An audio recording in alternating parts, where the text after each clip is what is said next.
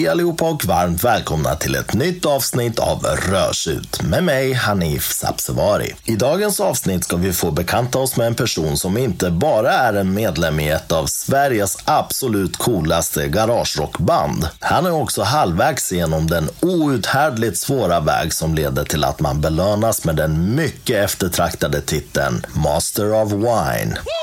I all sin generositet, entusiasm och genuina vilja att dela med sig av sin kunskap och sina erfarenheter tar han oss här igenom en resa där musik och hans syn på vad musik ska vara även i högsta grad påverkar hans syn på vin. Men utöver det är det här avsnittet av högsta angelägenhet för alla som är intresserade av Masters of Wine-utbildningen. Här får vi reda på vad som krävs för att söka in till utbildningen, hur den är utformad och även en hel del konkreta tips som kan vara av stort intresse för alla som funderar på att söka. Och utan att dra ut på det mer kastar vi oss rakt in i två underbara timmar tillsammans med dagens gäst.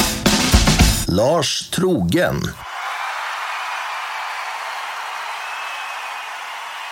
Lars Trogen, varmt välkommen till Rörsut. Tack! Kul att uh, få vara här. En, alltså, få snacka om det vi ska snacka om, även om jag inte vet vad vi ska snacka om. Det kommer vara en ynnest. Så att jag är svinglad här. Egentligen är det väldigt enkelt vad vi ska snacka om. Vi ska ju snacka om dig, givetvis. Ja. Eh, Du är en eh, otroligt fascinerande person och det du är mitt uppe i är ju något som jag personligen vill veta precis allting om. Och jag tror att våra lyssnare också kommer bli otroligt glada över att du ställer upp och, och vill berätta om det här.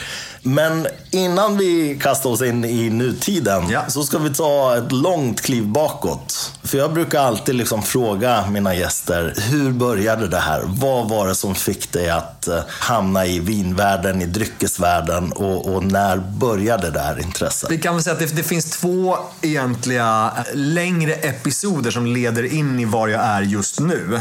Och när jag menar säger längre episoder menar jag det är liksom hela liv i sig själva som har fått liksom passera, utvecklas, gå in och ut ur varandra och sen, sen någonstans via både, vad ska man säga, eh, slump, eh, tur och eh, envishet så har jag landat där jag, där jag står just nu. Ehm, men, men det som är lite lattjo, det som är lite liksom intressant, är att det hela började med, liksom, det hade inte någonting med mat och dryck att göra överhuvudtaget. utan Det hade, att göra med, med eh, sociala aspekter. Det hade att göra med liksom, människor. Det hade att göra med, med situationer och sammanhang där man liksom, alltså det, det låter ju lite pretentiöst, men bröt ner barriärer kulturellt mellan människor som man faktiskt inte ens kände. Eh, folk som kom från andra ställen som man inte hade någon aning om hur de liksom var, umgicks, eh, hur dagarna såg ut, hur kvällarna såg ut.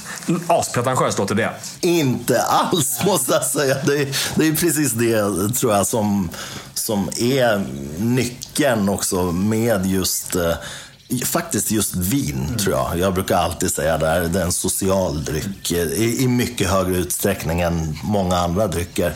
Så att eh, i mina öron låter det inte alls pretentiöst. Ja, men då så. Förlåt, nu avbröt jag Det är ingen fara, det är ingen fara. Du får hoppa in och avbryta när du vill. För att jag kan eh, tjata på ganska fort och ganska långt. Det ultimata poddgästen. Men, men om man ska kliva tillbaka liksom hela vägen eh, så började väl allting med att jag var en liten knatte i Västerbotten. Eh, växte upp i Umeå. Eh, under det glada och lite lätt militanta 90-talet. Mitt under hela så här, var ganska ung, hitta sin identitet, hitta sina gäng, spela fotboll, åka snowboard. Liksom allt det som man gör när man testar på grejer. Så, så, så hittade jag eh, musik ganska tidigt. Kommer från ett hem som kanske inte var musikaliskt musikaliskt i att det spelades eh, massa instrument och liksom, det var ingen som var en riktig virtuos på att lira. Men musik fanns och musik var ett sätt att liksom varva ner. Det var ett sätt att känna att nu går vi in i nästa fas av dagen, nästa fas av veckan. Man liksom kom ner och kom tillsammans och kände att de här tonerna var liksom något som signalerade någonting. Så det blev, ska man säga, en, en, eh, en del av en, ens eh, barndomsmat och sovklocka kan man säga. Att, att det kom toner till. Så att man blev så här: okej, nu, nu är det en annan feeling. Och då förstod jag att musik var något som kunde trigga känsla av gemenskap, kunde trigga känslor generellt, kunde liksom trigga humör, eh, nyfikenhet. Vad är det här för någonting? Hur gick det här till? Så jag satt ju och spelade in blandband från så här gamla LP-skivor och singlar bara för att jag kunde ju lyssna på skivorna men det var så här roligt att tänka att jag gör ett band. Då känns det som att det är jag som ligger bakom musiken. Det var den tidens DJ-ande Precis, exakt, exakt. Så lyssnade man på dem och var så här, fan det där var en bra övergång. Den låten till den, det var, det var grymt. Det har jag gjort. jag hade ingen aning hur man gjorde musik men började spela gitarr i kommunala musikskolan för det gjorde man, det hade min storebrorsa gjort och jag gjorde det också för vi hade en gitarr. Det var lite så att blockflöjten gömde man bort för det ville man inte spela. Så gitarren var ju lite coolare i alla fall. Så jag började med det och, och kände att det här är ju halvkul bara för då sitter man själv med sin gitarrlärare och kan typ ingenting och det gör lite ont i händerna och så här, varför ska jag kunna barré-ackord? Kan knappt uttala barré, liksom. vad, vad, vad är grejen? Det låter ju för jävligt det jag håller på med. Det som var lyckosamt mitt i allt det här, för jag blev liksom inte bättre, skrev ganska dåliga små låtar, man skulle skriva en låt och liksom så här, det, det fanns inget riktigt uttryck som var jag kände jag. Men turligt nog så var en av mina bästa polare, det var hans pappa som var min gitarrlärare. Och där hade vi bokstavligt talat nyckeln. För han hade nyckeln till musikrummet på skolan. Så jag gick i fyran, min kompis gick i femman, vi hade en polare som gick i trean på en annan skola som spelade trummor. Alltså, du fattar ju hur små vi var. Jag försöker visa nu med handen hur små vi var, men tre äpplen höga ungefär var vi. Och så en polare till mig, en klasskompis, eh, spelade inom citationstecken bas. Alltså vi spelade inom citation. Det var bara min kompis Love som kunde sjunga och våran polare Johan som kunde spela trummor. Vi andra var lite såhär, ja ja, vi kan väl stå och låtsas lite, men det, det låter ju högt i alla fall. Så idén här om att göra oväsen tillsammans det var ju mycket roligare än att försöka spela fint själv. Det spelar ingen roll hur det låter liksom. Idén om det här sociala, det, det, det föddes någonstans där. Nu, nu hittar jag utanför det som var liksom så här, men du kan väl spela fotboll eller spela gitarr där eller spela piano. Gör någonting som, liksom, som det finns en ram kring. Och nu plötsligt så kände vi att vi, vi bröt mot reglerna. Vi var ju coola liksom. I samma veva som det här höll på att hända, liksom, man var lite äldre, började väl kanske i femman, sexan, högstadiet hände. Jäklar vad stor man var då. Men då, Umeå hade ju en väldigt aktiv så här, punk, hardcore, straight edge, veganscenen liksom. Eh, och nu hör man ju att det är ganska långt ifrån vad jag är nu, om jag börjar prata om så här, straight edge hardcore. Men där var jag, där hittade man liksom en gemenskap som var utanför det här, som blev ännu större. Det var en jäkla massa folk som gjorde oväsen tillsammans. Och så vart det politiskt och så vart det liksom, eh, det känns som att det fanns en medvetenhet. Det känns som att man var ju liksom revolutionen. Man stod på liksom barrikaden och bara körde. Och det var ju också jäkligt härligt. Och i och med att det blev en grej, man började spela i andra band, man började träffa liksom människor från utanför Umeå, för det kom massa band att spela i Umeå hela tiden. För det var en ganska liksom respekterad stad, för att det var liksom en, en cool punk och hardcore-scen som hände där uppe. Så det kom ju massa folk till Umeå, så man fick liksom kontakter utanför. Så plötsligt så åkte ju vi till någon annan stad. Man åkte till Sundsvall, Örnsköldsvik, Stockholm, herregud, spela där liksom första gången. Det var ju jäkligt häftigt. Mm. Så att man byggde liksom en större, en större värld eh, och, och började någonstans inse att Folk gör inte på exakt samma sätt överallt. Folk gör inte som vi har gjort i Umeå bara, utan det finns liksom andra sätt att göra det på beroende på vad det finns för, för förutsättningar. Så jag menar, det var ganska lätt att hitta en replokal i Umeå. Jag fick, vi hade ju nyckeln till skolan. Liksom. Så det var enkelt. Men i Stockholm är det mycket konstigare och svårare. Man var tvungen att åka ut till liksom, fabriksområden och man var tvungen att liksom spela på svartklubbar för det fanns inget organiserat. Ungdomsgårdarna funkar på ett helt annat sätt. Så att det blev annorlunda. Och sen då, det här, det här vart ju en snöbollseffekt. Så att man byggde ju sitt kontaktnät längre och längre ut och plötsligt var man ute i Europa och lira. Och någonstans där så var det så här, man hade spelat så pass länge, några år, hållit på med det där, turnerat, skolka skolan bara för att komma bort. Eskapismen i en var ju liksom stor, kraftig. Och ett gäng år senare liksom, så sitter man nere i, man kommer ner till Spanien, Italien och, och ska spela där och då har liksom då har vi börjat spela ett band som är på sätt och vis ett riktigt band. Det är det man håller på med, det är det man försörjer sig på. Inte för att det är några pengar direkt, men man kan försörja sig på det. Där har man liksom uppfyllt en dröm. Mm. Men när man tittar på så här kulturella skillnader när man kommer långt hemifrån, längre söderut. Eh, så här, om, man ska, om man ska jämföra.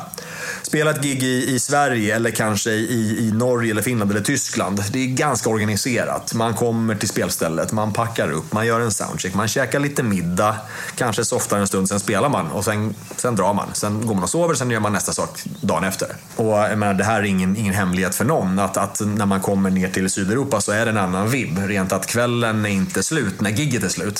Utan man kommer fram någonstans, allt är lite försenat, man soundcheckar, det är lite såhär, ja ja, det, det händer, det drar ut på tiden, man spelar, sen så drar man ut och käkar middag. Och då kommer liksom alla dit. Det är inte bara bandet, det är så här, alla som jobbar på stället, ganska många i publiken, de andra banden som spelar. Alla går liksom ut och hänger och man är 20 pers plötsligt.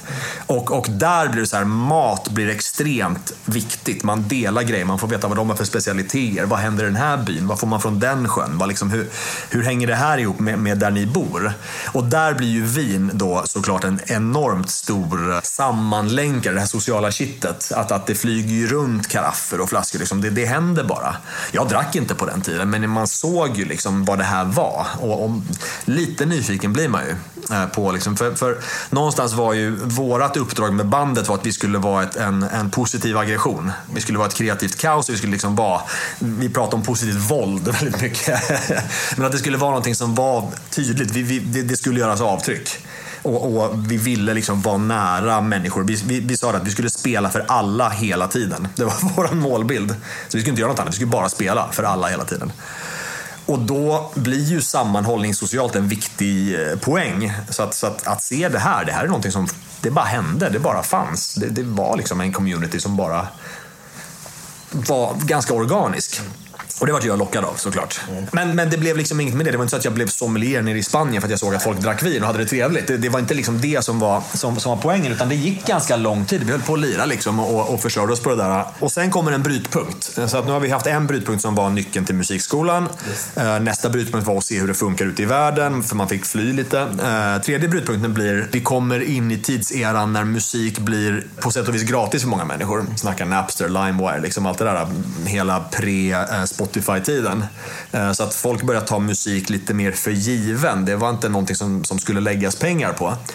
Och det blir lite lurigt. Inte för att vi var ett band som liksom sålde miljontals skivor, det var inte så vi försörjde oss. Det var en, en del av allting, men det var liksom inte nyckeln till hur vi, hur vi överlevde. Däremot, när inget band sålde skivor, det var inte synd om Metallica, de sålde fortfarande på ganska bra. De hade lite liksom pengar sparat på hög, tänker jag. men när, liksom, när, när, när festivalerna plötsligt tar in de här banden som plötsligt alla är på vägarna. Här kommer Radiohead. De, de får nog gigget före oss det är nog logiken hos många som arrangerar konserter. Att så här, vi, tar de som är jättekända, det verkar mycket smartare. Så vi fick lite mindre gig, lite mindre gager och plötsligt står man i, i liksom, eh, verklighet att extra knäck från det här som, som jag håller på med. Det måste hända. Mm. Och jag har ju liksom aldrig haft ett riktigt jobb på det sättet. Det är klart det här var ett jobb, det är klart man jobbade. Det är klart att det, det tog mycket tid och energi i anspråk. Men nu var jag tvungen att hitta något som verkligen var så här, det behövs något i ett lönekuvert. Var gör man det, funderar man på då. Ska, jag liksom, men ska man börja städa på hotell? Kräver det kompetens? Ja, det gjorde det tydligen för jag fick inget jobb som hotellstäd.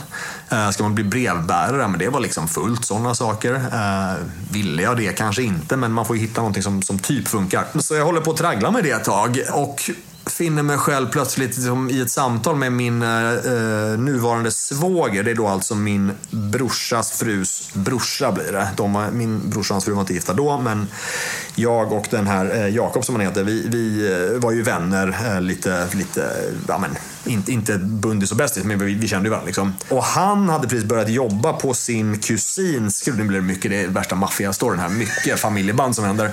Så, så farligt var det inte. Det är ju också inspirerat av Italien i och för sig. Exakt.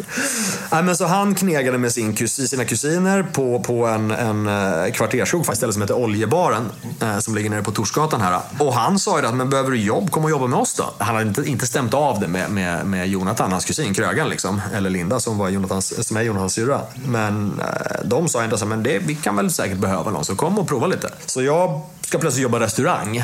Och det är så här, okej, okay, mat är gott. Sen så är det lite så här, ingen aning hur man gör det. Liksom. Men börja med det och, och kommer dit och så här, okej, okay, men det är ändå så här, alla är softa och det är gäster som vill ha. Alltså det, det är ju ingen svår ekvation, det är inget, inget svårt recept det här med restaurang egentligen i grunden. Det finns mat, det finns gäster, det finns dryck, eh, någon betalar och sen så är det lite klart. Det är liksom grunden. Det är givetvis mer komplext än så, vilket jag sen insåg.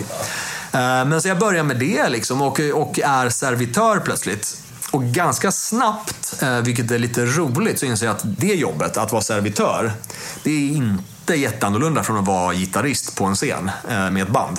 Det är, liksom, det är typ samma jobb. För att hela tiden så, så kommer du möta en ny publik. Du har ingen aning, kan vara många, kan vara få inte den blekaste. Ibland kan man kolla i någon slags bokningsdator för att se hur många som ska komma på middagen. Man kan se hur många biljetter som är sålda. Du har ett hum liksom. Det kommer bli en bra kväll ikväll. Men vilka som kommer, det har du ingen aning om.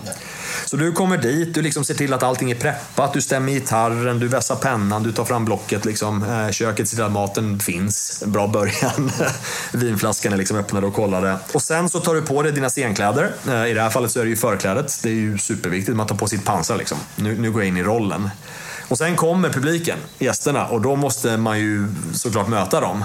Och då handlar det ju om att väldigt snabbt förstå vem du har framför dig vem är min publik ikväll? Hur ska vi behandla dem? Kommer de vara aggressiva tillbaka eller kommer de vara väldigt följsamma? Liksom, är de blyga eller är de, är de kaxiga? Vad har, vi, vad har vi att jobba med här egentligen? Så måste du gå in med någon form av pondus och berätta att så här går det till. Så att det, det som blir viktigt där är ju ett, att kunna sina skalor. Att man kan sina instrument. Kunna spela sina instrument är ibland jätteviktigt och spela helt rätt. Eh, men ibland är det jätteviktigt att kunna improvisera runt saker. Någon sträng går av, man får liksom börja spela på bassträngarna plötsligt. Vad, vad gör man när det händer?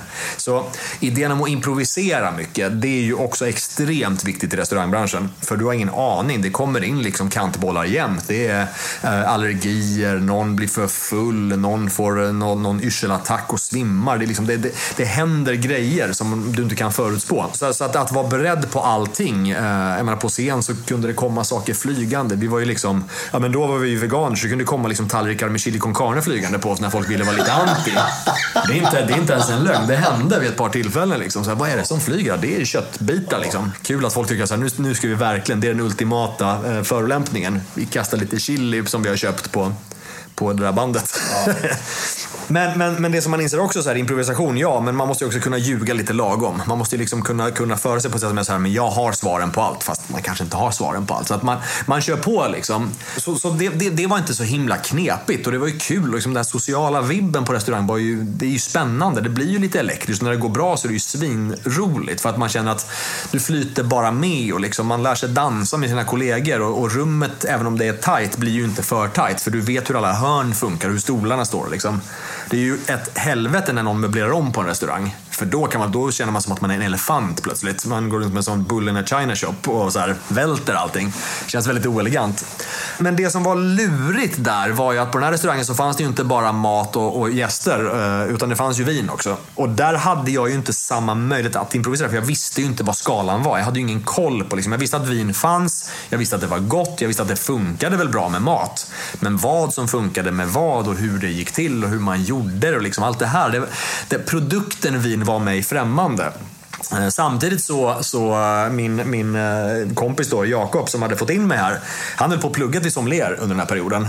Och då kände jag att, okej, okay, ska vi se. Jakob är en person som jag träffar socialt jag kan inte vara sämre än honom eh, för då kommer man liksom vara den där eh, kusinen från landet som inte har någon koll. Liksom. För nu är det det här som gäller, nu är det restaurangbranschen. Det är liksom, jag, jag vill också bli bra på det här. Så vi började prova ganska mycket vin och vi startade ihop en, en vinklubb liksom, och sågs ofta. Och det var ju, det var ju polarna. Sådär. Men vi sågs ofta och körde vinkvällar och försökte prova blint. Och vi liksom, ja, gick på mycket provningar och träffade producenter och började någonstans förstå vad de sa, fast jag förstod inte riktigt. Men jag började förstå att differentiera mellan druvsorter, mellan ursprung mellan liksom idéer om vinmakning till en viss gräns. Jag förstod att eh, det fanns något som hette ekfat och, och vad det kunde göra med vin.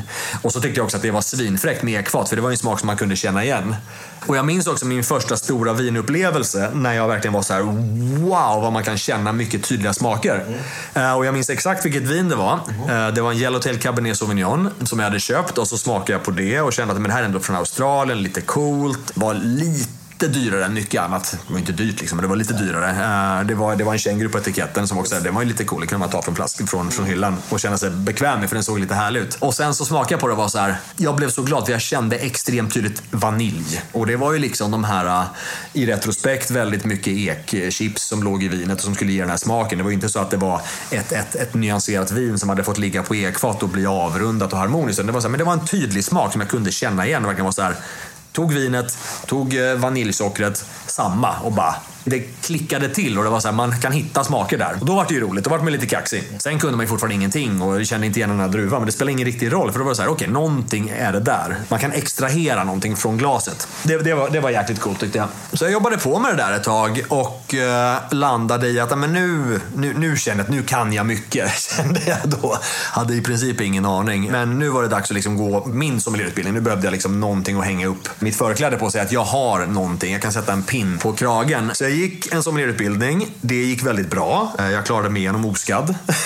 det, är, det är ju jättebra. Och kände att jag fick ut ganska mycket av det rent i vokabuläret. Rent i, i att förstå vinster. Rent i att någonstans kanske koppla en stil till ett visst ursprung. Förstå det här med liksom varma och kalla klimat åtminstone och, och vilka druvor som funkar i, i vilka länder. Det, så det fanns en, en, större grund att stå på. Initialt var jag ju helt nollställd. Det var så här, min, min kunskap kring att jag kunde känna en vanilj, den var ju inte mycket värd.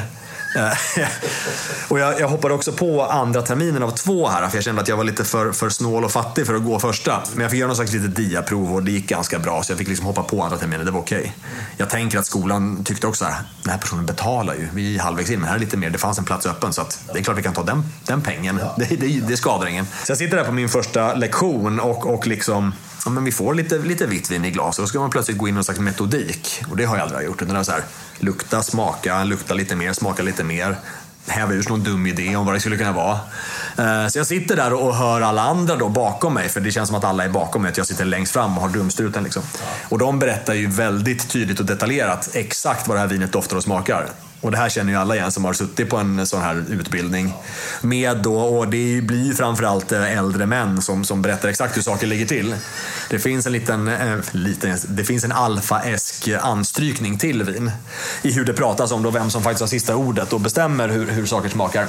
Men det var ju väldigt mycket subjektiva beskrivningar, väldigt mycket liksom, men det här är något som bara jag vet om för det är ett specifikt tvättmedel på en specifik typ av, av tygbit som hänger bakom en specifik typ av husknut i en specifik typ av skog nog. Och de orden kunde de här männen jätte, jättebra.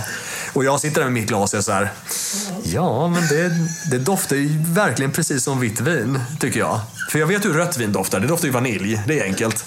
Eh, så den har jag liksom nailed check på den. Eh, vitt vin doftar vitt vin. Jag kan liksom inte få ur mig någonting annat än liksom att säga, men det, här, det, det doftar lite surt kanske. Alltså, det finns inget där för mig. Så jag kämpar med det och sen så, så, så eh, jag tycker det är pinsamt liksom. Men jag sitter på lunchen och då, då, då pratar jag med kvinnan som leder just den dagens föreläsning. Och hon ger mig ett, ett extremt eh, bra tips som jag tar med mig till denna dag och använder när jag liksom lär ut eh, på sommelierskolor. I den mån det inte känns som att det är för mycket hippie-metodik att göra det som jag precis ska berätta. Men, men hon sa så här, okej. Okay. Eh, ett, du behöver inte vara rädd för det här vinet, för det är faktiskt bara jäst frukt. Du är inte rädd för ett äpple liksom? Uh, nej, det är jag inte. Jag är inte rädd för äpplen. Bra, då har vi, jag är inte rädd för päron heller. Eller apelsiner, eller citroner för den delen. Jag är inte rädd för någon frukt. Utom kanske durianfrukt, den ska man vara rädd för. Den är läskig. Ja, den är läskig. men, men jag är inte rädd för de frukterna och vindruvor absolut inte. Uh, och så sa hon sen så här att, att innan du går på och ska försöka bara häva ur dig de här äh, beskrivande orden, adjektiven, så gör så att du tar glaset äh, och så, och så sätter du det under näsan och sen blundar du. Blunda och sen så ska du föreställa dig den mentala färgen på vinet. Så, så strunt i att titta på det, utan, utan känn så här, okej. Okay och jag gör det och känner mig otroligt fånig. Men, men det spelar ingen roll, för jag får en instruktion här. Den verkar nyttig. Hon är ju liksom, hon är ju proffs. Så att varför inte lyssna? Är färgen liksom, är den väldigt ljus? Är den ljusgrön? Är den gul? Är den orange? Är den röd? Lila? Bla? Alltså vad är det för färg som du får? Bra, okej. Okay, vi, vi bestämmer att den här färgen är gul. Vi säger det. Det kan ha varit ett vin som kändes gult. Bra. Eh, från det gula så ska du hitta en exempelfrukt. Det spelar ingen riktig roll vilken frukt det är. Hitta en frukt. Och då kan man ju hitta en persika.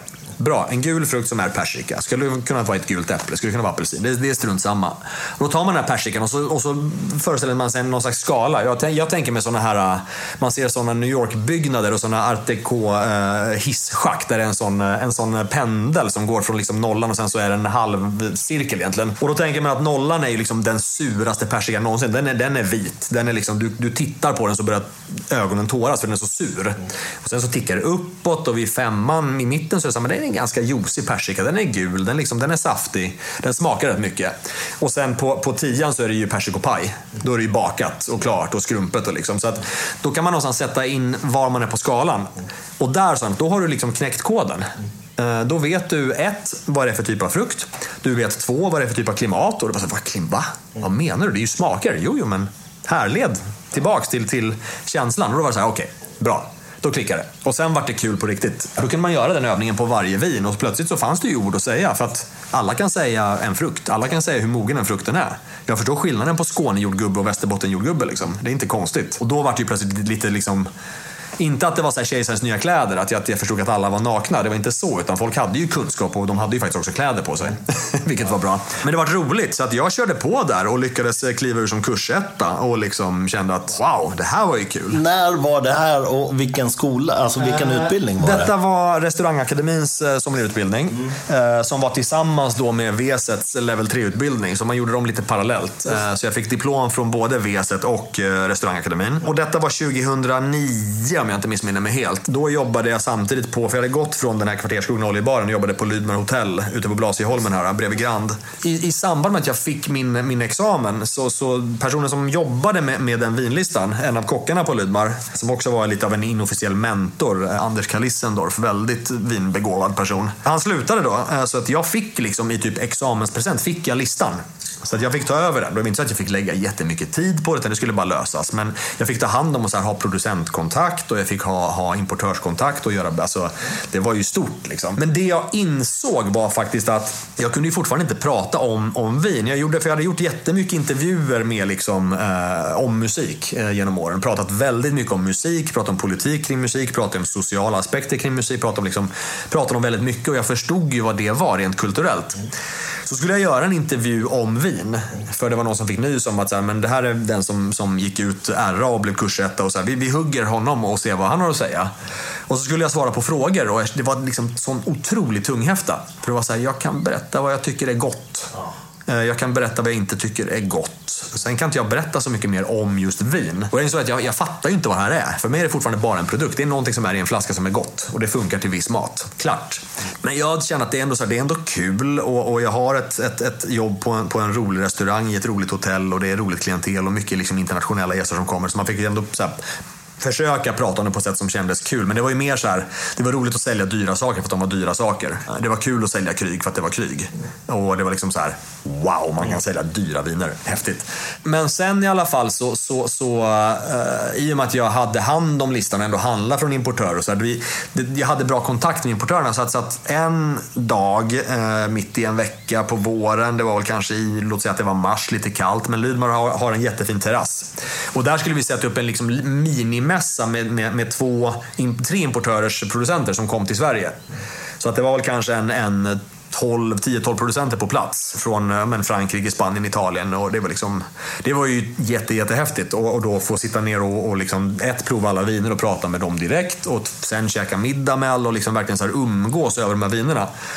Och någonstans där, eh, så, så, så när, när de här människorna berättade om vad de faktiskt gjorde, eh, var deras passion för den här drycken kom ifrån, eh, deras idéer kring hantverket och det som var intressantast, för jag kom ju ändå från någon form av ska man säga, polariserande musikvärld där vi hade punk och vi hade liksom industrin. Det, var liksom, det, det fanns ju en, en motpol hela tiden. Det var liksom polariserat. De hade också en tydlig bild av att de var emot den industriella vinvärlden. De var lite emot varann i grupperna. De var inte överens om hur man gjorde vin, vad som var bäst för vinet, vad som var bäst för druven ute i vingården. Så det faktum att de, att de diskuterade och bråkade och liksom, när, när det hände, liksom, det var som att, att det var en, en ridå som öppnades och jag såg ett skådespel som var så här, vänta nu, det här är också kultur, vänta nu, det här är också underhållning, det här är också någonting som, som är gjort med idéer och med filosofier och med liksom politiska undertoner. Då, då var det kört. Efter det så började jag prata om vin som jag hade pratat om musik. Och sen, sen har jag inte kollat tillbaks. Så att det var liksom, om vi pratar om brytpunkter så var det den största brytpunkten. För då hade, jag, då hade jag gått igenom processen av att lära mig skalan. Jag kunde spela skalan. Och nu fick jag en chans att använda den skalan eh, på ett annat sätt. Jag fick bryta mot den, hitta andra mönster att spela på. Och faktiskt hitta en egen idé om vad jag faktiskt tyckte var intressant. Det går att vinkla, man kan inte lära ut hela vinvärlden hela tiden. Utan det måste finnas lite olika sätt att prata om det på. Det går inte. Jag känner ju jättemånga som kan betydligt mer vin än proffstyckare. Mm. Men de helt enkelt orkar inte gå igenom de här utbildningarna för att de kanske också tycker att det är oväsentligt att få det här certifikatet. De jobbar med andra saker, de är nöjda med sitt liv och allt det där. Men jag tror att eh, en anledning också till att de inte gör det ibland, jag känner ju folk som säger det här att det är för stort. Är, man vill kunna allt och man inser bara, ju mer vin man dricker, desto mer inser man hur lite man kan. Ja. Om allting. Ja, så är det. Och i en, i en, eh, dels en hel värld som förändras väldigt mycket. Exakt. Men den lilla världen i världen, som är vinvärlden, förändras ju också extremt snabbt. Och beroende på var du väljer att positionera dig i den, vilken, vilken aspekt du, du, du väljer att titta på, så kommer den aspekten också förändras och det kommer påverka allt annat. Liksom det, nej, det är ju fullt av, av, av energier och synergier i vinvärlden som gör att allting är i liksom...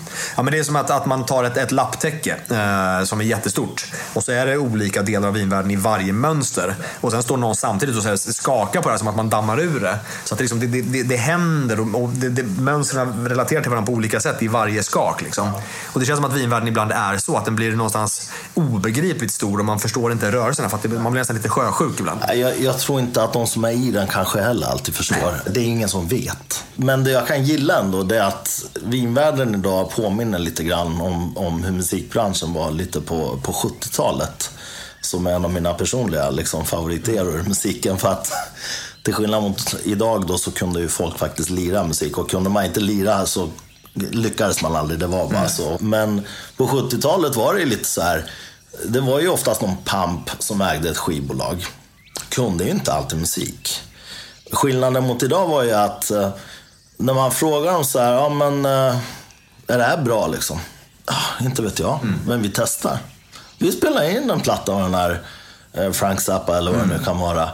Skickar ut det där ute att se vad som händer.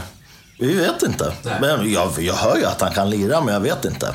Idag när du kommer upp till skivbolag, de bryr sig inte om huruvida du kan spela eller sjunga egentligen. Det är därför också influencers till exempel, som är helt tondöva, kan bli artister. Eh, utan där de kollar, hur många followers har du? Mm. Eh, hur många följare på Instagram har du på TikTok? Alltså, det är en helt annan bransch, vilket gör också på ett sätt att kvaliteten urholkas eftersom ingen vågar faktiskt chansa. Och de som vågar chansa, det är ju de också som fortfarande sätter trenderna för att de bryr sig inte om hur många fans som finns på Instagram och de har förstått att det så att säga, korresponderar inte med försäljning heller. Nej. Det är ju det skivbolagen inte verkar förstå att antalet followers på TikTok motsvarar inte hur många som faktiskt kommer köpa musiken. Det är inte alls samma sak. Nej. Utan de tror fortfarande att det är viktigt då. Eh, så, så jag tror att eh, liksom vinvärlden ändå på något vis är lite sådär, alltså man testar. Mm. Och det, blir, det är lite hit or miss. Men det gör ju att det är en väldigt levande bransch också. Och det går snabbt. Det kommer många nya trender hela tiden. Ja, nej, men så är det ju. Och, och någonstans så är det så här, vinvärlden är ju heller inte en värld eh, på samma sätt som ingen kulturell värld är ju liksom bara eh, enkelriktad utan det är ju liksom nischerna som, som, som, som blir intressanta. Och någonstans, jag menar, jämförelsen med musikindustrin är ju väldigt rimlig i det här fallet för att vi har ju fortfarande storbolagen i vinvärlden. Vi har ju fortfarande indiebolagen i vinvärlden. Vi har ju punkarna i vinvärlden. Vi har liksom alla kommer ju till tals på något sätt och sen måste man ju leta på ett annat sätt och hitta det här. För det är inte helt enkelt att hitta beroende på vilken marknad du, du, du eh, lever i och liksom vad utbudet utbudet är. Att hitta de här, eh, om du är ute efter eh, någon typ av Frank Zappa-vin. Mm. Det är inte helt enkelt, för det är ingen som riktar det mot dig. Du får hitta liksom den trovärdiga avsändaren för den informationen, för ja. den kunskapen, för den typen av, av, av vin. Liksom. Så influencertrenden blir ju, men den finns ju i vinvärlden också i allra högsta grad. Absolut. Och, och, och en, he, hela idén om att, att väldigt många gör, gör, inom citationstecken, gör sina viner, sätter namnet på viner. Eh, oavsett om du är liksom någon, någon, någon eh, lite coolare person eller om du är Leif GW Persson. Ja. Jag säger inte att GW inte är cool, jag vill inte få GW på mig. Eh, är inte det jag menar. Nu lever jag farligt känner jag. Nu lever jag väldigt farligt. Nej men det, det är liksom det, det här med att sätta sig själv som, som avsändare på ett vin är ju väldigt populärt. Och någonstans så blir ju det lättare för, för då den konsumenten som tycker att vinvärlden är för stor, för svår att förstå sig på. Att, att köpa etiketten med den, den gulliga hunden eller köpa med den här kända personen som, som, som jag vet vem det är. Det blir ju enklare. Men roligt nog så tyckte ju uh, Wines of Portugal, de tyckte att det var svinbra att det gick så bra för portugisiska viner i Sverige. Och ville liksom lägga en, en till push på det, för nu går det bra för oss. Mm. De förstod kanske inte helt och hållet att, att det gick bra för dem för att GV-boxen är vin från Portugal. Det gick jättebra för den boxen, det går fortfarande svinbra för den boxen. Och det är inte så att det är portugisiskt vin som är poppis plötsligt. Nu är jag också en av de som är så här, nu snart kommer Portugal. Nu kommer Portugal har jag sagt länge med många andra som ler människor. Men ja, Portugal är ju svinbra, det är inte det jag säger. Men vilket vin som säljs beror ju inte alltid på vad som är i flaskan eller i boxen. Nej, liksom. Du har ju helt rätt i att det, det, liknar ju musikbranschen väldigt mycket på ett sätt. I alla fall i Sverige också, för att vi har också ett monopol. Och de här sortimenten på Systembolaget som är ett återkommande tema i den här podden är ju just det där också. Det blir väldigt svårt att slå sig in på Rix FM idag som indieartist. Om du inte är på ett majorbolag som har köpt sina platser på radion. Det funkar i princip likadant på fasta sortimentet. Alltså det är lite ja. så är det ju. Det, så att det finns många paralleller. Men vad jag menar är ju att det är ingen som vet riktigt. Alltså musik kan man ju ändå påverka. Det är ett väldigt tekniskt jobb när man, när man håller på och producerar en låt. Men vin, det är ju också det här lilla fenomenet med väder, att du kan inte styra det. Nej. Jag är ju själv en av de här som kritiserar alkoholhalt i viner, att det håller på att dra iväg. Jag är så trött på att dricka vin med 15% alkohol i. Jag orkar inte dricka till vin med 15, över, över 12% snart. Men, men, samtidigt, man förstår, det är en utmaning. Hur gör man det här? Hur, hur ska man få, få liksom rätsida på det här? Att alkoholhalten stiger och stiger. Det är, det är inte lätt. Och det är ingen som vet riktigt, utan man testar sig fram lite grann. Det finns ju lika många teorier som det finns vinmakare och odlare höll jag på att säga. Men eh, nej, absolut. Och det är ju, utmaningarna finns ju alltid där och alltid funnits där. Vad som var helt normalt för, för 20 år sedan är någonting som är väldigt ovanligt just idag. Ehm, så att allting utvecklas ju hela tiden. Men intressant nog så, så menar, ett sånt exempel som alkoholhalter. Det har ju också att göra lite grann med det faktum att, att människor är mycket, mycket duktigare på odlingsteknik. Så att du får mognare frukt, vilket ger högre socker, vilket ger mer alkohol. Så att det sitter ju också ihop med kunskap och sen hur, hur den kunskapen används är ju liksom det, det, det relateras ju tillbaks till hur vinstilen blir. Sen har det funnits liksom en, en, en trend med hela APK eh, alkohol per krona då för, för den som inte visste det. Men, men det har ju folk handlat vin på under en lång period och gör fortfarande. Att det, det, det ska ge lite kick för pengarna. Liksom. Det, det, det, är rätt viktigt för många att det ska vara, det ska, det ska vara på riktigt. 11 vin är inte så intressant för många konsumenter på det sättet. Så att de är ju väldigt tacksamma för att, att det händer mer naturligt. Det är inte liksom uppsockrat så att det blir mer alkohol. Så det, det, det, tycker väl vissa konsumenter är superpositivt. Ja, och, och, och det är väl så här, spelar ingen roll vad jag tycker, men, men majoriteten tror jag av konsumenterna i Sverige är ju ändå människor som går in och rycker flaskor från hyllorna, det som finns där. Ja. Och, och, min egen helt ovetenskapliga eh, erfarenhet, eh, som inte på något sätt är någon sanning, men det är min erfarenhet, det är ju att eh, Bjuder jag på en lätt eh, genomskinlig Pinot till någon som är någon generation äldre än vad jag är. Då rynkas det på näsan. Men plockar jag fram liksom Ripasson eller Amaronen och kör, då, då blir jag glada tillrop. Ja. Ja. Eh, så att det är ju lite så. Det kanske är en generationsfråga. Det kanske också är lite grann vad som finns på hyllan. Och det här blir lite, tycker jag, en eh, ond cirkel. För att eh, Systembolaget då tolkar ju det här som att det är det här folk vill ha. Och det må hända vara det. Men man kanske också ska börja utmana. Det, det, är lite som den här studien som gjordes på USA på ett college där man på college-radion helt plötsligt slutade spela skatepunk och sen började man spela frias. Mm. I, I ett halvår. Och första två månaderna då var det inte en käft som lyssnade. Alla lyssnare försvann. Ja. Sen plötsligt började alla komma tillbaka. Och, och sen, ja, det blev inte lika många lyssnare, men det var en hel del lyssnare. Ja. Jag tycker det är lite slappt det här argumentet, men det är ju det här folk vill ha. Mm. Men hur vet ni vad folk vill ha? Alltså, och lite grann kan man inte försöka göra något nytt och utmana och presentera någonting annat. Eh, och, och, låta folk liksom bli intresserade av det också. Du, du, sätter fingret på en punkt som, som är jätteintressant. För nu har jag också eh, efter hela min, min session i restaurangbranschen som var ganska lång så har jag suttit och jobbat för importör i tre år eh, fram tills för ganska nyligen. Och där vart jag ju väldigt, vad ska man säga, bekant med, väldigt, väldigt medveten om hur Systembolagets offertförfrågningar och upphandlingar fungerar. Och det finns ju ett par aspekter av det här. För jag menar, utbudet och, och framförallt återköpen styrs ju av försäljning. Så att allt utvärderas. Eh, beroende på vilken typ av produkt det är så finns det en, en lite kortare, lite längre utvärderingsperiod. Så återköpen baseras på det och det är liksom i, i relation till ranking med andra viner som finns på, på hyllorna. So far so good. Eh, vissa prios görs, om det är en ekologisk produkt så får en annan typ av prio, det har en längre utvärdering etc. etc. Men i då eh, offertförfrågningssläppen som händer en gång i kvartalet så är det ju ganska mycket som, som, som är utanför så att säga eh, den, den inramade eh, boxen, strukturen. Så att det är ju vissa ursprung som eftersöks eh, som är som inte finns representerade eller som har åkt ut och som liksom vill uppmärksammas. Vissa typer av certifieringar som, som inte finns på hyllan som vill uppmärksammas. Då köps det in, eh, för det dyker in offerter och sen så finns det på hyllan.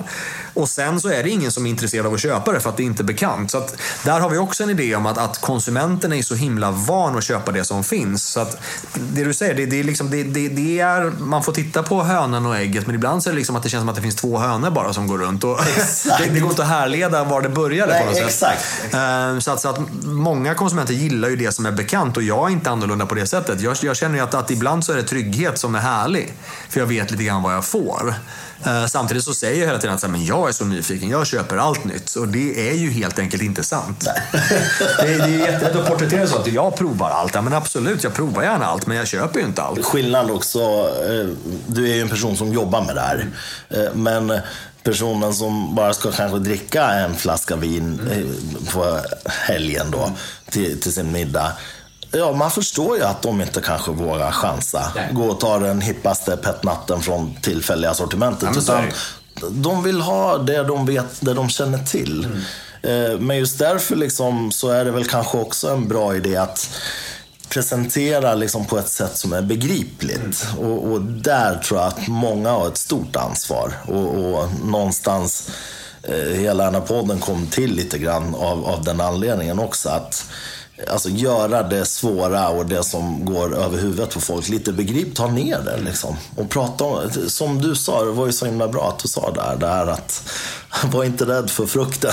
Det, det, är bara jäst druvjuice. Ja, exakt, det är helt, helt oläskigt. Ja, så att eh, det, det är inte läskigt och, och, och, det är inte mer än att man provar och, och konstaterar att man inte tycker om det. Nej, man måste inte tycka om allt som är hippt. Nej men exakt, och jag tycker att det är en viktig sak också att, att allt kommer inte tilltala alla människor. Och framförallt när jag håller vinprovningar så, så vill jag, det är liksom en av de första sakerna jag poängterat. Så här, alla kommer inte tycka att allt är gott ikväll. Så är det bara, för alla kan inte gilla allt. Men jag vill visa på bredden, jag vill visa på nyanserna, jag vill visa på, på de olika uttrycken som Exakt. faktiskt finns. Exakt. Och då blir det ju kul, för då går det ju lättare att välja vad som är spännande, vad som är gott, vad som tilltalar just, just den personen. Så.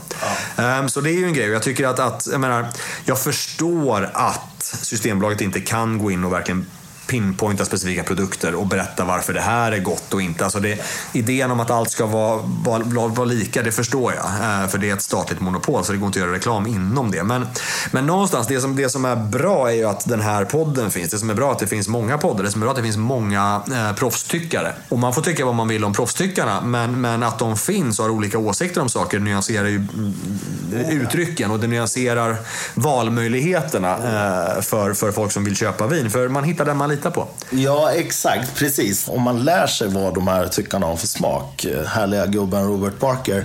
De ger 100 poäng till en väldigt specifik typ av vin. De här väldigt lätta, genomskinliga väskorna som en annan kanske tycker om jättemycket står inte högt i kurs. Utan det är bombastiska viner. Det är för mycket av allt. Mm. Det är fylligt och det är liksom... Ja, de, det är den stilen Robert Parker, alltså trademarken Robert. Parker, den branden förknippas med. Men sen följer man till exempel Jancis Robinson får man någonting helt annat som jag personligen tycker mycket är roligare. Mm. Även James Suckling. Det finns många andra också. Så att, eh, och sen måste man ju ta allt med en nypa salt för att som alla sponsrade också eh, liksom ha alldeles för djupa relationer med producenter och med alla i vinbranschen. Så att man måste ju ta allt det här med en nypa salt. Men ja. om, om vi ska hoppa tillbaka i kronologin då, då, då. Du jobbade där och sen var den här provningen. Då fick du den här uppenbarelsen. Precis, jag menar det var ju inte bara då men det var... Det, det, men det här då blev hände bra. någonting. Precis, sinnebilden av att den här provningen var liksom mitt, uh, mitt uh, Eureka-moment. Liksom. Det, det, var då någonting, liksom, the penny dropped kan man väl säga. Just det. Så, att, så att i sådana diskussioner så förstod jag ju väldigt mycket mer att det här är en mångfacetterad värld som inte mm. bara handlar om produkten i flaskan. Exakt. Utan det handlar om, om just traditioner och om filosofier och om idéer framförallt. Det handlar om att uttrycka någonting. Exakt. Och det, det var ju väldigt mycket intressantare för, för mig. För då kunde jag plötsligt, och så här, nu, nu, nu kommer jag vara väldigt ärlig och säga att då blev jag en sån där sommelier som jag inte riktigt tycker om. För jag blev en sommelier för min egen skull. Just. Då skulle jag uttrycka min egen åsikt, mina tankar, min filosofi genom vinerna på listan. Jag var väldigt, väldigt onyanserad. Jag hade en tydlig om att de här vinerna är bra, det där är inte bra. För det uttrycker inte den här idén.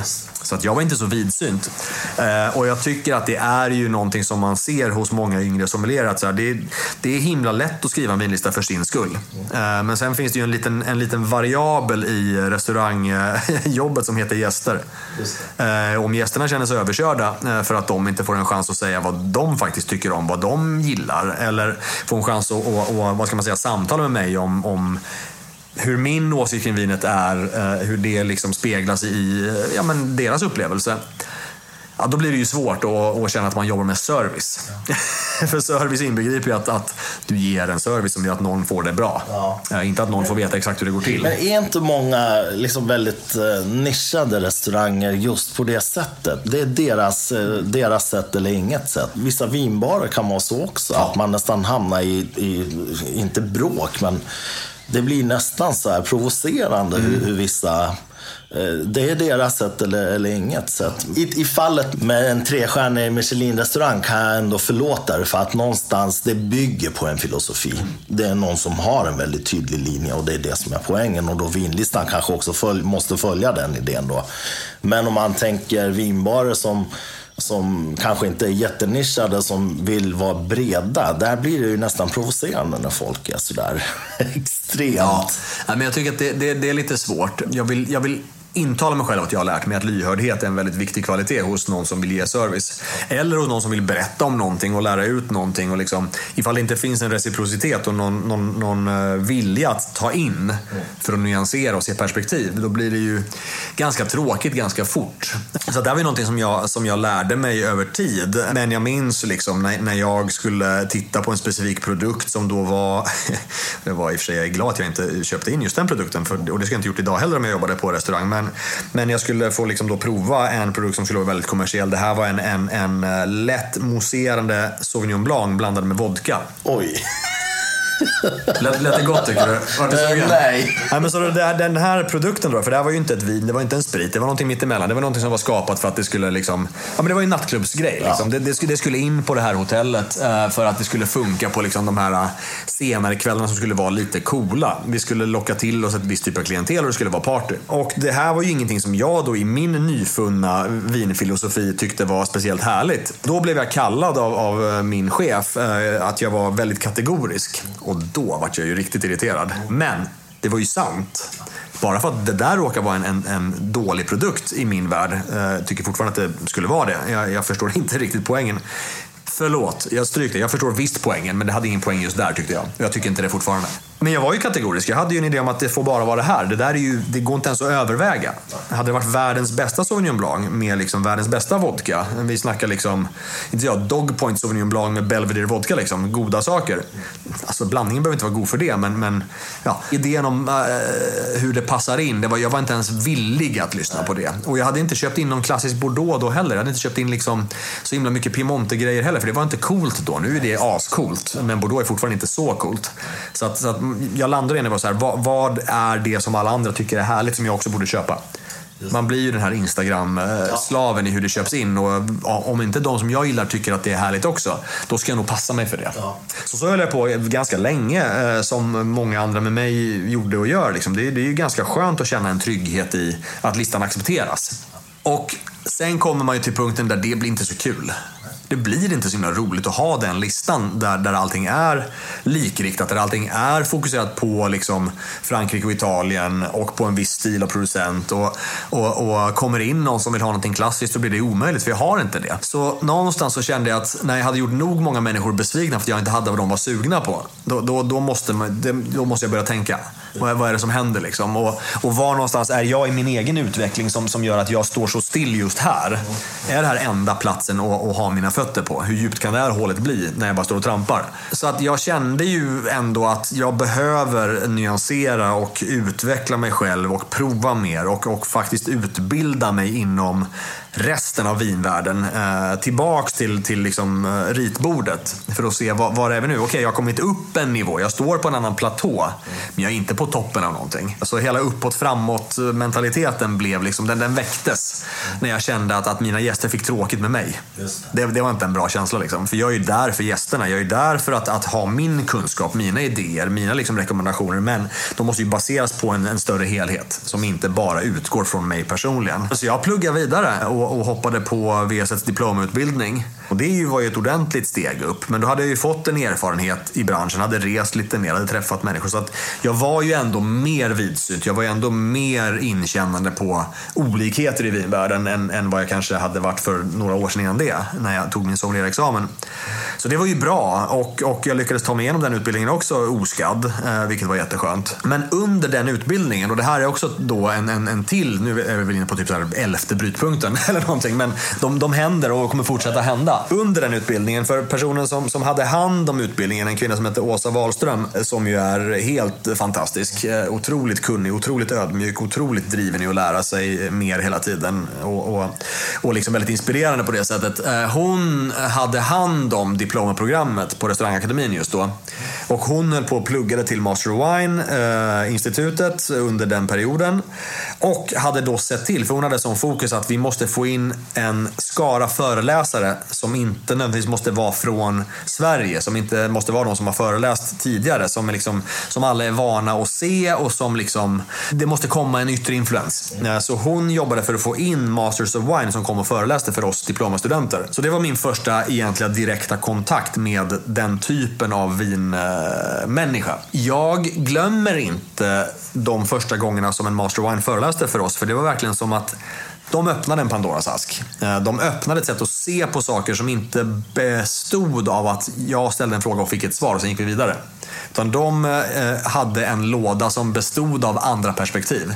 De hade en låda som inte var driven av svar. Utan du ställde en fråga och sen så fick du tre frågor tillbaks. Så här kan man tänka. Det här är en aspekt. Ekonomi här. Förutsättningar klimatmässigt där. Eh, vad vill vinmakaren med vinet här borta som en tredje aspekt? Vad, liksom, vad, vad är det du egentligen frågar? Eh, vad är det du egentligen behöver veta? Jo, det du behöver veta är att vinvärlden är full av nyanser och det finns inga raka svar. Och där var det så här, okej, okay, nu, nu, nu är det någonting som händer här. Så det var ju helt sjukt spännande. Eh, och det triggade ju verkligen idén om att så här, nu måste jag bara bli färdig med diplomet. Jag måste ta det här. Det här måste liksom, det, det var en, en, ett nytt mål som, som blev nästan, alltså, om jag inte skulle uppnå det så hade det verkligen varit, då måste jag börja om och börja om igen och börja om igen. Det här måste bara hända för att det de håller på med nu, det, det var mindblowing verkligen. Och jag tror att vi hade säkert, ja, men nu måste jag räkna lite, men en, två, tre, fyra, säkert fem Masters of Wine som, som, som föreläste för oss. Och alla hade ju också olika ämnen, olika idéer. De var jätteolika varandra. Men de är ju det. Precis, olika pedagogiker. Och, och någonstans så är jag så här, okej, okay, ni har uppnått den här åtråvärda eh, titeln. Ni har fått de här två härliga bokstäverna efter era efternamn. Ni har liksom gått igenom en process som jag förstod den då är en process som börjar på en viss plats och sen så går den via lite steg och sen så slutar den på en viss plats. Att det, det är för mig, det var linjärt tänkte jag, att bli Master of Wine. Och ändå var de så himla olika varandra och hade så mycket olika perspektiv, olika kunskapsnischer, eh, specialiteter. Ehm, och framförallt då, som jag sa, helt olika sätt att, att kommunicera det här. Jag minns inte vem det var jag frågade, men, men det är så här, hur, hur kan det komma sig? Vad är, liksom, vad, vad är idén om Master Wine om det ändå är så himla olika? Det känns som att det, det liksom fluktuerar så mycket. Och, och då fick jag ju svaret som ju kanske också vara luddigt, det handlar inte om, om eh, exakt vad du kommunicerar, men hur du kommunicerar det. Det faktum att du vill kommunicera, att du vill vidga vyer, att du vill någonstans föra kunskap till en ny nivå. Inte bara föra kunskap till en plats där du berättar vad den kunskapen är.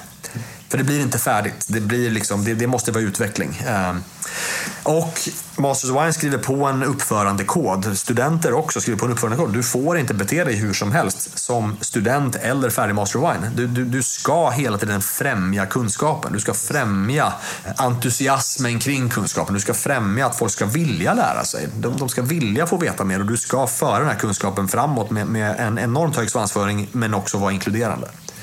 Och allt där blev för mig verkligen så. Det var som att, att det, det, var alla mina små synapser i huvudet som hade med vin att göra. De bara sprängdes på varsin, som små dioder som bara puff, puff, puff. På samma gång som, som diplomutbildningen var inte enkel och det var väldigt mycket att ta in och det var svåra prov. Liksom, så att jag förstod inte hur det skulle kunna gå att göra någonting som var ett steg förbi det. Eller tio steg förbi det. Eller, eller hur många steg det nu än är förbi det. Så att, det var ju otroligt spännande. Ganska direkt efter att jag hade blivit färdig med diplom och fått, fått den, den titeln så kände jag att jag måste, jag måste vidare. Det, det är bara att fortsätta. Nu finns det ingen, liksom, ingen återvändo på någonting. Så jag hörde av mig till, till en person som hade föreläst, Mark Andrew, som är en av de två som, som grundade Noble Rot-magasinet och tillika restaurangen Vinbaren i London. Uh, för han hade varit en av de som föreläste ett par gånger för oss. Jag skrev ett väldigt artigt e-mail och sa, hej du kanske minns mig från, från lektionerna och jag är jätteintresserad av det du har gått igenom precis. Han hade precis blivit färdig med liksom, sin, sin utbildning. Så, och jag ska komma till London och jag ska göra en liten vinbarsafari för jag söker inspiration till bla bla bla. bla. Eh, och han svarade inom typ 10 minuter och sa eh, ett, du är alldeles för artig. Han är britt liksom. De är ju, eh, man säga, de, är artiga. De är liksom idén om artig. Men, men han sa, du är alldeles för artig. Det är klart att, att jag minns vem du är. Vi har ju faktiskt träffats flera gånger. Jag har varit på din vinbar. Alltså, lugna dig. Men ja, när du kommer till London så kom förbi Noble Rot så kan vi snacka. Det är bara där, liksom, den här generositeten. Att så här, vi vill att du ska vara med. Eh, det här är spännande. Eh, varningens ord är, det är inte för alla. Det är ingen som säger att det här är enkelt, men, men eh, du ska ändå få veta exakt vad det innebär och jag ska berätta för dig. Han, han blev liksom lite farsan på jag ska lära dig allt jag kan om det här. Men jag kan lära dig allt jag kan, inte vad de kan. Inte hur den personen gjorde för att klara sig. Jag kan berätta vad jag gjorde. Otroligt spännande. Första eh, gången som jag kom till Noble Rot så pratade vi inte ett ord om, om Master Wine-utbildningen utan, utan han tog fram viner och blindade mig och min, min dåvarande kollega på. Liksom. Det, det hände ingenting som, som syftade till att prata om studier. Utan bara så här, nu ska vi ha kul med vin.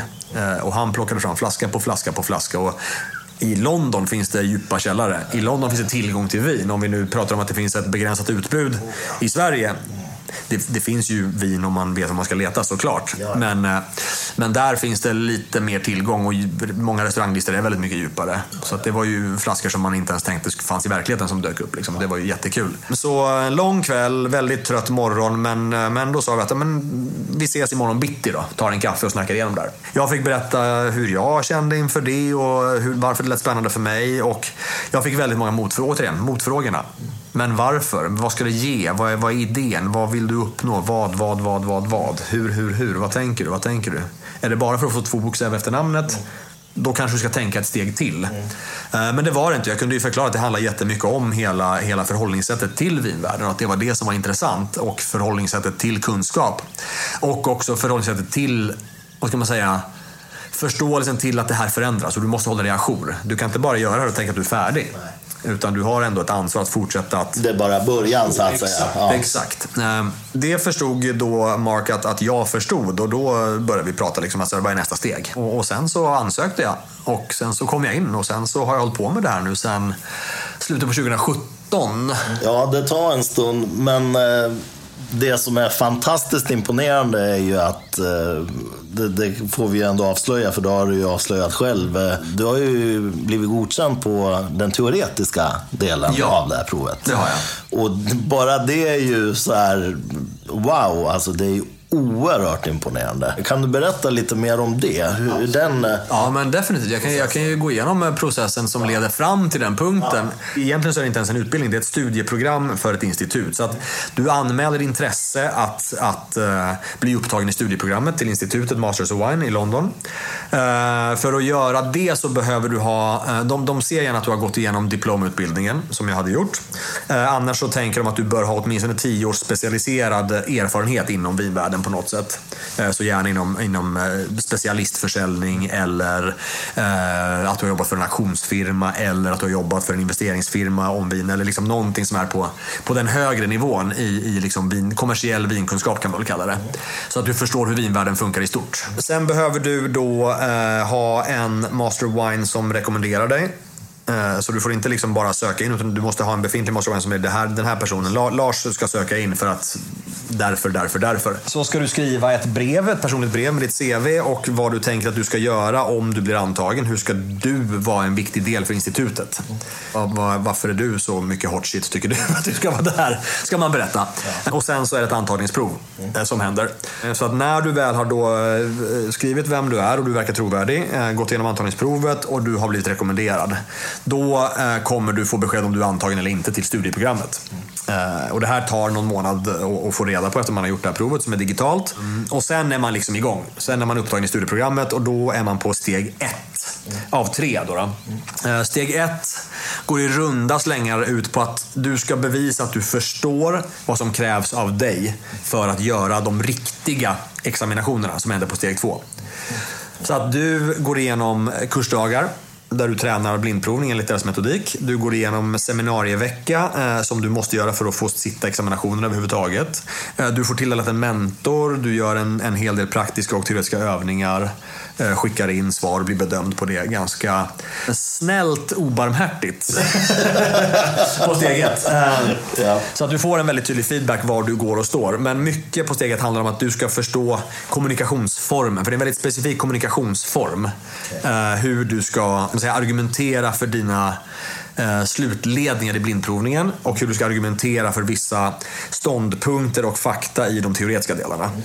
Eh, så allting blir väldigt brittiskt, väldigt akademiskt och, och det, teorin bygger på essäskrivning eh, bara. Om du inte kan brittisk akademia så, så behöver du lära dig det. Och jag kunde inte jättemycket om det så jag var tvungen att lära mig det.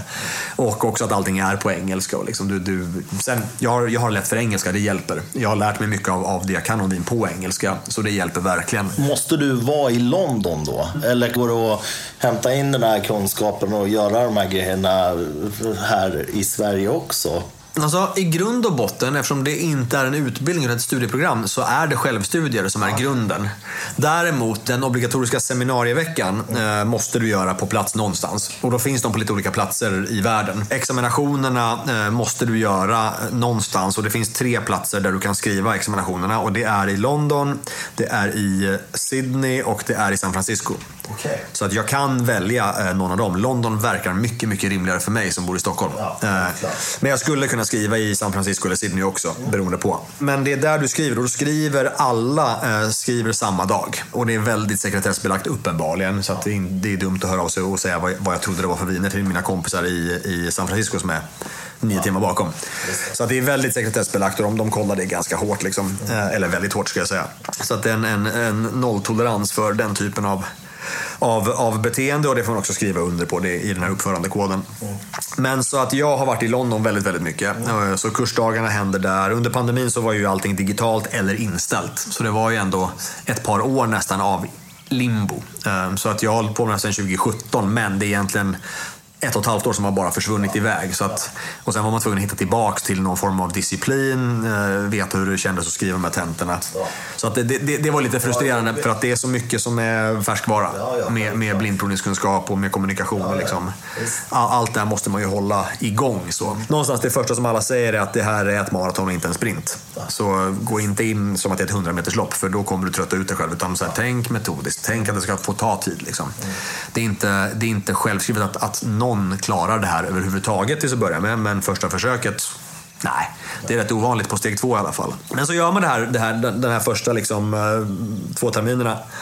Och sen kommer man till, till eh, första veckan i juni när man ska göra sin då stage 1 assessment, eh, som det heter på steget. Så det är inte liksom en examination, men det är mer ett, en, en utvärdering. Nu ska jag visa vad jag, vad jag kan, vad jag går för. Så då kommer du in i ett eh, rum Eh, stor eh, sal på något som heter Royal National Hotel i London. Eh, väldigt så 70-tals eh, oskikt. Eh, mycket heltäckningsmattor överallt och ganska kallt i rummet är det. Och då har du ju tränat på blindprovningarna så att blindprovningarna ser alltid ut på samma sätt. Det är eh, 12 viner, det är två timmar och en kvart. Och det är eh, frågor på vinerna som du inte vet förrän du vänder liksom, ditt papper och tiden startar. Så att hur de här vinerna i flighten hänger ihop, det vet du inte egentligen förrän, förrän du får se frågorna och tiden är igång. På steg ett så är det generellt så att de kör en lite mixed bag. Så att de, de kör både vitt och rött vin och lite sött och starkt och lite mousserande brukar dyka upp. Och lite sådär. Så, att, så det är ganska blandat så att du får visa vad du kan om olika vinstilar. När man sen sitter steg två så är allting uppdelat på det är, det är fyra heldagar som man sitter. Och då är det tre stycken av de dagarna som inbegriper blindprovningar. Så då är det generellt så att du har vitt vin första dagen, rött vin andra dagen och sen eh, resten av vinerna som finns i världen tredje dagen. Men på steg ett så har du 12 viner framför dig eh, och du är ju, eller du, jag säger du, jag, jag kan berätta hur jag kände mig. Jag var ju jätte, jättenervös uppenbarligen. Och man hade ju, hade ju tränat på det här och gjort det här på tid och berättat hur jag kommunicerar, hur jag argumenterar. Och liksom, de här 300 poängen som jag kan skriva till mig, som man har och skriva till sig på de här. Så det är ju 25 eh, eh, poäng per vin för att komma upp i 300 poäng. Det ska man ju då bara lösa. Liksom. Man får inte, på steg ett så måste jag snitta 55 procent och får inte ligga under 50 på någon enskild fråga för då, då får man göra om liksom, om man inte ligger för lågt ner. Så frågeställningarna kan vara men, låt säga att, att vin 1 till och med 4 hör ihop i den här flighten man har fått. Och då är det fyra vita viner, eh, kanske det. Och så står det vin 1 till och med 4, frå, frågeställning då, de sätter alltid upp en premiss för frågan. Så vin 1 till och med 4 är från samma ursprungsregion. Då vet vi vad frågan handlar om. Fråga eh, A. Eh, 1A. Eh, identifiera regionen med referens till alla fyra vinerna. Så då ska jag eh, titta på hur många, hur många poäng är den här frågan värd. Okej, okay, det var 30 poäng, ganska mycket. Mm. Eh, men jag ska prata om alla fyra vinerna, så det är nog inte så mycket per vin. Mm. Men då ska jag berätta varför de här fyra vinerna är från Bourgogne, mm. till exempel. Eh, och då räcker det inte att säga de är från Bourgogne för att de är det. Då, då har man skrivit till sig exakt en poäng av, av, av 100 på den här frågan. Eh, så argumenten är jätteviktiga. Man måste prata om klimat, du måste prata om kvalitet, du måste prata om stil, du måste prata om relationen vinerna emellan. Det är ganska smart att prata om druvsort om man pratar om vita bourgogner. Eh, till exempel att det uttrycker typicitet för och vinmakningen är typisk för. Och liksom, allt det här som är typiskt för någonting som jag försöker bevisa att det är. Det måste jag kommunicera. Det behöver jag göra eh, precis och snabbt, för det går fort. Ja. Eh, om man bryter ner med två timmar och en kvart låter ju ganska länge. Men, men det bryts ner till 11 minuter per vin och då ska man hinna prova och analysera. Och sen skriva 25 poäng per vin helst. Så att det är ju stressigt. Och har du inte tränat på liksom sättet att, att kommunicera på så, så blir det väldigt svårt. Och har du också, som jag har haft väldigt länge och kanske har fortfarande, eh, jag har en ganska stor hatt som det står sommelier på. Mm. Sommelierer tycker att det är jättekul att veta exakt vad saker är. Ja. Blindprovning går ut på att berätta druva, ja. ursprung, producent, vingård, vad hunden hette. Alltså, all, man ska veta allt, detaljerna. Men här är inte det lika viktigt. Jag behöver inte berätta vad hunden hette på Master of Wine. För om jag säger att hunden hette eh, Laban och så heter den Bruno, då ser man ut som en idiot. Ja. Berättar jag att det här är vingården så och så, det är Premier Cru Perrier från Puligny Monarché mm. och så är det en annan Premier Cru. Ja. Det, det, ser inte så bra ut och det är inte så viktigt. Utan idén om att prova på liksom, vad kan jag förvänta mig från ett ursprung? Vad kan jag förvänta mig från en, en, en vinmakarstil. Vad kan jag förvänta mig från en kvalitetsnivå? Det är det jag ska prata om. Sen om det råkar vara en extremt bra eh, Premier Cru, jag kallar det för Grand Cru. Det är inte lika viktigt. Eh, om det är ett jättebra vin från, från USA och jag kallar det för Nya Zeeland. Det är inte jätteviktigt heller. Så länge jag förstår hur det är gjort, eh, var det passar in kommersiellt, eh, sådana saker. De, de vill helt enkelt förstå att du har en, en hum om helhet. Ja, precis. Det är väldigt holistiskt. Och att, att idén är att jag ska visa att jag förstår vinet. Exakt. Att berätta vad det är, är ofta en del av det, om det är klassiskt. Mm. Om det är en Bordeaux från eh, Margot från den kommunen, då vill, då vill de att jag ska säga att det är från Margot och inte Jack för att. Ja. Och så ska jag argumentera för det. Mm. Sen om det råkar vara en jättemogen Margot eh, och inte en Pauillac, men jag har ändå övervägt Margot och Pauillac. Alltså, du får ju mycket poäng för resonemanget också. Eh, men, men förståelsen för helheten är jätteviktig. Så att om fråga ett är identifiera ursprunget så kan fråga två vara jämför och kontrastera vinerna med referens till vinmakning och kommentera på kvaliteten. Då är det en fråga. Då ska jag verkligen förstå varför de här vinerna, ett, är olika varann. Uh, varför är ett på den här kvalitetsnivån? Inte bara så här, men det är Grand Cru för det är bäst. Det är bästa vinet. Det var godast tycker jag. Det är lite strunt samma att det var godast för mig. Eh, för jag har tydligen väldigt dyr smak. Ja. Nej, men så det är helt oviktigt eh, att jag berättar varför det här vinet är jättegott. Utan jag ska berätta eh, från ett strukturellt perspektiv, baserat på det jag har i glaset, varför det här vinet är en Grand Cru och inte en Premier Cru. Vad är det som gör att det är så eleverat? Och sen kan en tredje fråga jätteofta vara, per vin, diskutera kommersiell potential och position. Så då ska jag baserat på glaset och vad glaset erbjuder, vad det finns där. Struktur, kvalitet, längd, balans, allt det här. Eh, typicitet eventuellt. Var hör det här hemma? på marknaden. Mm. Vilken marknad? Ja. Eh, på svenska marknaden hör de kanske hemma bara på tillfälliga eller, eller fine wine-listor på restauranger. Eh, I England så hör de hemma hos auktionärer. Alltså det, det, är så olika. Men hitta en marknad, beskriv hur det här vinet passar in och visa att du förstår vinet hela vägen från hur det är gjort Mm. Hur det är odlat, vilken typ av årgång, mm. till var det faktiskt säljs och vem som köper det. Mm. Då har du ja, förstått helheten. Är det prissegment också? Liksom? Kan vara. Ja. Om det är viktigt för vinet så absolut. Ja. Men om jag, om jag kvalitetsmässigt säger det här är Bourgogne Grand Cru för att det är inte en Premier Cru för att det är så mycket mer XYZ. Då behöver jag inte sätta pris. För jag, jag har positionerat vinet eh, i den högsta nivån av en region där det känns igen. Däremot om det är en region där det inte finns en sån klassificering. Då kan det vara hjälpsamt att säga antingen en pris prisnivå eller eh, Premier Cry-ekvivalent. Mm. Eller det är antagligen en enskild vingård snarare än mer generisk frukt. Just. Sådana saker. Så att någonstans berätta hur det brukar heta i Kalifornien. I Napa heter det gärna reserve eller barrel selection. Sådana saker. som är, De ska vara teoretiskt sett lite bättre. Ja. Men bara jag kan berätta att det är bättre än något som bara heter Napa Valley. För det här är Napa Valley Reserve. Ja. Eller någonting. Ja. Så, att, så att sitta, sätta det i perspektiv är det absolut viktigaste. Eh, det hjälper ju om man verkligen känner igen vinerna. Om jag kan argumentera för strukturen i Cabernet Sauvignon och tanninerna, hur de beter sig. Och att det inte är Merlot på grund av de här sakerna. Det, det hjälper. Eh, så identifikation är viktigt, men mest för min egen analys. Är det som man har sett på de här filmerna och dokumentärerna att du måste sitta och plugga in varenda region i vartenda land som producerar vin. Du måste du kunna liksom alla ungerska appellationer till exempel. Nej, jag behöver veta att de finns. Jag behöver kunna referera till dem där det är viktigt. Mm. Eh, jag behöver förstå hur vinerna är från specifika regioner för att kunna leda mig till att det skulle kunna vara. Men jag skulle säga så här. Master Wine-utbildningen är väldigt eh, fokuserad på viner som finns i verkligheten. Så att säga. Så att ja, det finns jättemycket petnat i verkligheten, mm. som ett exempel. Det finns jättemycket orangevin i verkligheten, som ett exempel. De kommer väldigt sällan fråga på ursprung för de vinerna. För det är inte viktigt för den stilen och det är väldigt svårt att sätta ursprung på en petnat. Ja. För den vinstilen kan göras överallt. Ja. Den görs i Sverige och den görs i Frankrike och den görs i Tyskland och den görs i Italien. Så den görs överallt. Så då handlar det mycket mer om, om eh, marknadsaspekten. Var hör det här vinet hemma på marknaden? Och då kan jag argumentera jättelätt för att petnat hör hemma i vissa traditionella vinländer för mycket Lambrusco är gjort enligt den metoden om det skulle vara en Lambrusco. Det hör hemma jättemycket i Paris, Stockholm och New York för att det finns en trendkänslig publik som köper de här vinerna. Och de är inte rädda att lägga pengar för jag känner att det här är bra kvalitet i det här glaset. Det är en petnat med mycket koncentration. Så det är en bättre petnat, kanske är från Kalifornien. I sådana fall kostar den nog 30 dollar. Då har jag berättat att det är en jättebra petnat inom sin kategori, hör hemma där, där, där. Så att en petnat blir ju aldrig ett, ett Costco supermarketvin. Där måste jag kunna differentiera. Men med det sagt, ja, jag behöver ju förstå de flesta av världens vinregioner. Ja. Det är absolut, absolut. Det, men jag behöver inte liksom slaviskt säga det här är Fiano d'Avellino. För det är en semineutral italiensk druvsort. Där kan man vara i Italien och gissar jag på Greco di Tufo istället för Fiano. De kommer inte straffa mig jättemycket. Jag ska förstå stilen på vinet, var det hör hemma, potentiellt ursprung. Ehm, då får man fortfarande ganska mycket poäng. Liksom. Ehm, och i vissa fall kan man argumentera jättebra för fel sak och ändå få det mesta rätt. Ehm, för många saker är så liksom, på, på en viss kvalitetsnivå också. Om vi pratar om liksom instegsviner.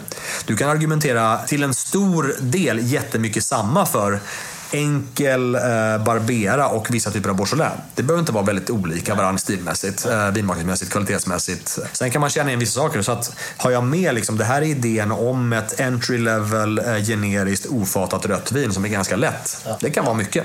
Ja. Så länge jag förstår att det är ett generiskt, lättdrucket, enkelt rött som antagligen kostar... Eh, Kolsyrejäst. Precis, exakt. Så att jag måste förstå vinets essens. Sen slutsatsen, alltså ibland är den inte lika viktig. Och det är ju rätt skönt för att, för att vinvärlden blir ju också svårare och svårare att naila var saker kommer ifrån. Jag menar, det vi pratade om för ett tag sedan så här, men det är högre alkoholhalter händer. Det finns nya trender i vissa regioner där Meursault i Bourgogne, om jag ska hålla mig kvar vid den prestigeregionen, där folk ändå har en idé om att så här, Meursault är annorlunda från Puligny för att det är mycket smörigare och större och bredare det är inte en trend just nu att Meursault ska vara det. Nej. Trenden är att det ska vara lite mer reduktivt, ja. slankt. Liksom. Så att det förändras ju också. Så, att, så att det måste man ju också någonstans veta. Var befinner vi oss nu? Jag kan inte skriva som man skulle skrivit på 70-talet eh, just nu, för det är inte sant längre. Men det är väl det de kräver av, av dig också, liksom det du har skrivit under på. Precis. Att du måste hela tiden hänga med. Exakt, exakt. För annars så alltså, känns man ju inte trovärdig. När du berättar det här för mig, djävulen igen säger, det är nästan sektliknande.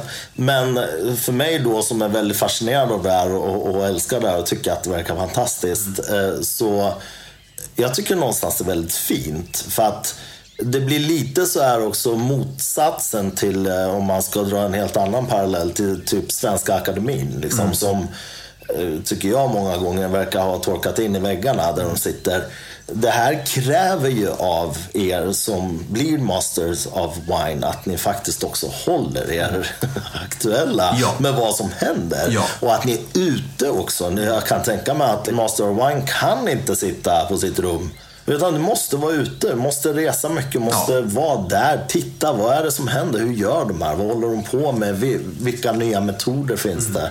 Och någonstans tycker jag det är väldigt fint, för det är ju tänker jag då, som också har en lång utbildningsbakgrund, att det är ju det, är ju det som är poängen med en utbildning. Mm. Ingen utbildning tycker jag personligen stannar vid att du får en examen. Du är inte klar. Det är då jobbet börjar så att säga. Precis, precis. Det är då du har fått tillräckligt många verktyg för att kunna ställa dig de här frågorna som leder vidare till nya frågor. Som leder vidare till nya frågor. Mm. Och, och vägen är målet så att säga. Det finns inget mål, det är vägen som ja. är målet. Ja, men utan tvivel, jag håller helt och hållet med. Och eh, det som är eh, då väldigt tycker jag, väldigt positivt med, med Master Wine-utbildningen. Och det här kommer jag faktiskt aldrig glömma. För när jag var då på min första sån här seminarievecka, man åker ner till, till Rust i Österrike, som ligger precis nere i Burgenland, eh, bredvid Neusiedlersee. Den skulle man säkert kunna få se någon gång om det inte var så att det var kolsvart så fort man gick upp och sen så sitter man i ett studierum hela dagarna och så går man och lägger sig för man är helt utpumpad. Men eh, de säger att sjön är väldigt vacker i alla fall. Eh, men så i alla fall, eh, sista kvällen så är det alltid en sån lite, lite bring your own middag. Så att alla uppmuntras att ta med sig en vinflaska som är värdefull för, för dig. Alla, oavsett om du är eh, student eller om du är master wine, tar med en flaska som, som är, är lite speciell.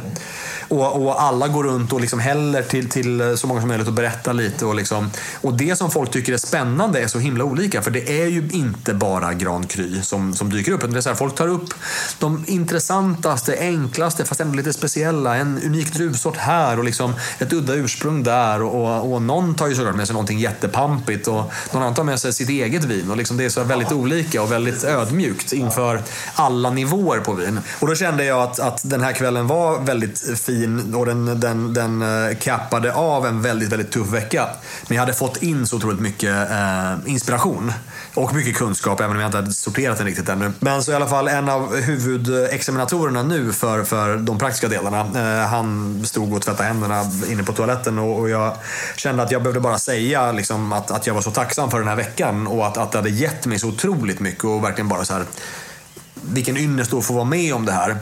Och han sa då att, att eh, uh, var amerikansk person och han sa det, uh, att det, det är liksom lugnt, uh, väl bekommen liksom. Det, det, det är vårt nöje. Uh, just remember to pay it forward when you're a master of wine. Och då verkligen så här, spände blicken i och sa de här sakerna. Man bara säger ja, ja. Absolut. Jag lovar.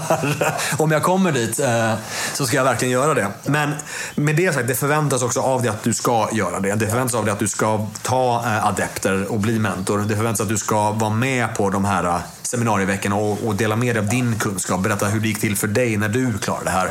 Och ge perspektiv. Då, då. För av de här människorna som har klarat det, och jag menar sen 1953 när de hade första examinationerna så är det ganska prick 500 pers som har klarat sig. Mm. Så det är inte många per år. Nej. Det var ju färre som, som eh, gick igenom programmet på 50-talet såklart. Nu är det många fler. Absolut. Men det är väl en pass rate på sådär en 5%. Så det är ett nålsöga, ett nålsöga. Ja. Men, men med det sagt, det finns ju ingen kvot. Det är inte liksom ett bestämt antal, så här många får klara sig. Utan om alla som är med i programmet är duktiga kommer alla klara sig. Sen blir det ju inte så i verkligheten. Men, men eh, alla kan teoretiskt sett bli Master Wine. Ja. Och det tycker jag också är en fin sak, att det inte är begränsat. Absolut, det är ju, det är ju superbra. Ja. Det, det är klart att som alla utbildningar kommer det kosta både tid och en massa pengar. Eh, men det är ju otroligt rättvist på det sättet att vem som helst kan, ja. kan och det här att man ska föra det vidare, det tycker jag att man ser. Det här är ju en podd nu det finns ju givetvis som alla mina lyssnare självklart har koll på andra poddar i Sverige. Men om man kollar på brittiska vinpoddar, mm. där finns det faktiskt ett par Masters of Wine som har ja. egna poddar. Vi har ju han Konstantin Baum som har sin YouTube-kanal som är ju helt fantastisk. Ja han är ju verkligen så här, för mig, en otroligt, otroligt viktig person. För att han är så extremt duktig på att avdramatisera ja. allting. Och jag älskar ju han liksom från ett avsnitt där han eh, testar en eh, Petrus, liksom rycker fram så här billigaste vinerna jag kunde hitta på Lidl ungefär. Så testar han sig igenom tio sådana. Ja. Han är så extremt kunnig, ödmjuk och, och liksom så nollställd inför allting. Ja. Jag menar, han testar en Petrus på samma sätt som han testar alla andra ja. viner. Så jag tycker att man, man ser det här eh, även på de som är lite offentliga offentliga. Man ser den här ödmjukheten. Man ser att de brinner för att föra vidare kunskapen. Ja. Och jag tycker de gör extremt mycket gott för eh, liksom själva den här, för, för varumärket då, om man ska kalla det så. så. Så det tycker jag att de lyckas pränta in i de som, ja. som blir färdiga så att säga. Nej men absolut, jag håller helt med och det är det som, som, som lockar mig att fortsätta år efter år på det här och liksom efter uppehållet så, så var ändå så här sugen på att fortsätta, sugen på att kasta mig in i det igen. Och det var verkligen så här, när jag fick sitta mina steg två examinationer första gången, vilket var, ja nu är vi 2023, men det, var, eh, det blev då hösten 2021, för det blev också Insel 2020. 2019 valde jag att inte skriva för att man får stå över ett år på steg två om man vill. Så jag gjorde det för jag kände mig inte redo. Eh, I retrospekt borde jag ha skrivit då, men det visste jag inte då riktigt. Men då var det två år av att inte skriva. Så 2021 på hösten eh, satt jag första gången och var ju inte redo då heller. Då var jag i och för sig tvungen att skriva, för annars hade jag åkt ut per automatik. Men bara att gå igenom processen och förstå vad det var, det var värt så otroligt mycket. Att liksom känna den pressen och stressen och liksom, eh, gå igenom de här fyra dagarna som det är av examinationer. För då var jag ju mer rustad och förstod vad jag var tvungen att fokusera på fram tills eh, när jag faktiskt då skrev och klarade teorin förra året. Så att utan att ha gjort det en gång så visste jag ju inte alls vad det var. Eh, det är vissa människor och de är ju högst savantmässiga som klarar saker på första försöket. Det, det, det, liksom, det händer, men det, Nej, det är ovanligt. Det, det, säger ju alla. Det finns ju en till väldigt bra podd som jag kan tipsa om som heter UK Wine Show. Ja. Den är fantastiskt bra om man vill förstå det här. Jag vill liksom poängtera det här du har sagt nu. för att det är en viss typ av retorik. Mm. De här proven, man måste formulera sig på ett visst sätt. Ja. Och du måste få med vissa saker. Och de pratar om det här antalet marks då, som man får per fråga. Och för att få de här marksen, alltså du måste helt enkelt få dit vissa saker. De tar till och med upp så här svar de har fått från studenter, utan att namnge studenterna ja. då. Men eh, så här, det kan ju vara dels det här uh, korta svar som är helt fel. Ungefär som du sa, men för att jag tyckte att det var gott. Typ. Det var det godaste ja. vinet. Men sen kan de ju också ta väldigt långa svar som låter väldigt bra för ett ovant öra då. Jag, jag sitter där och tänker, men det här är ju ganska, det är ju väldigt mycket information här. Ja. Men det är inte rätt information. Nej.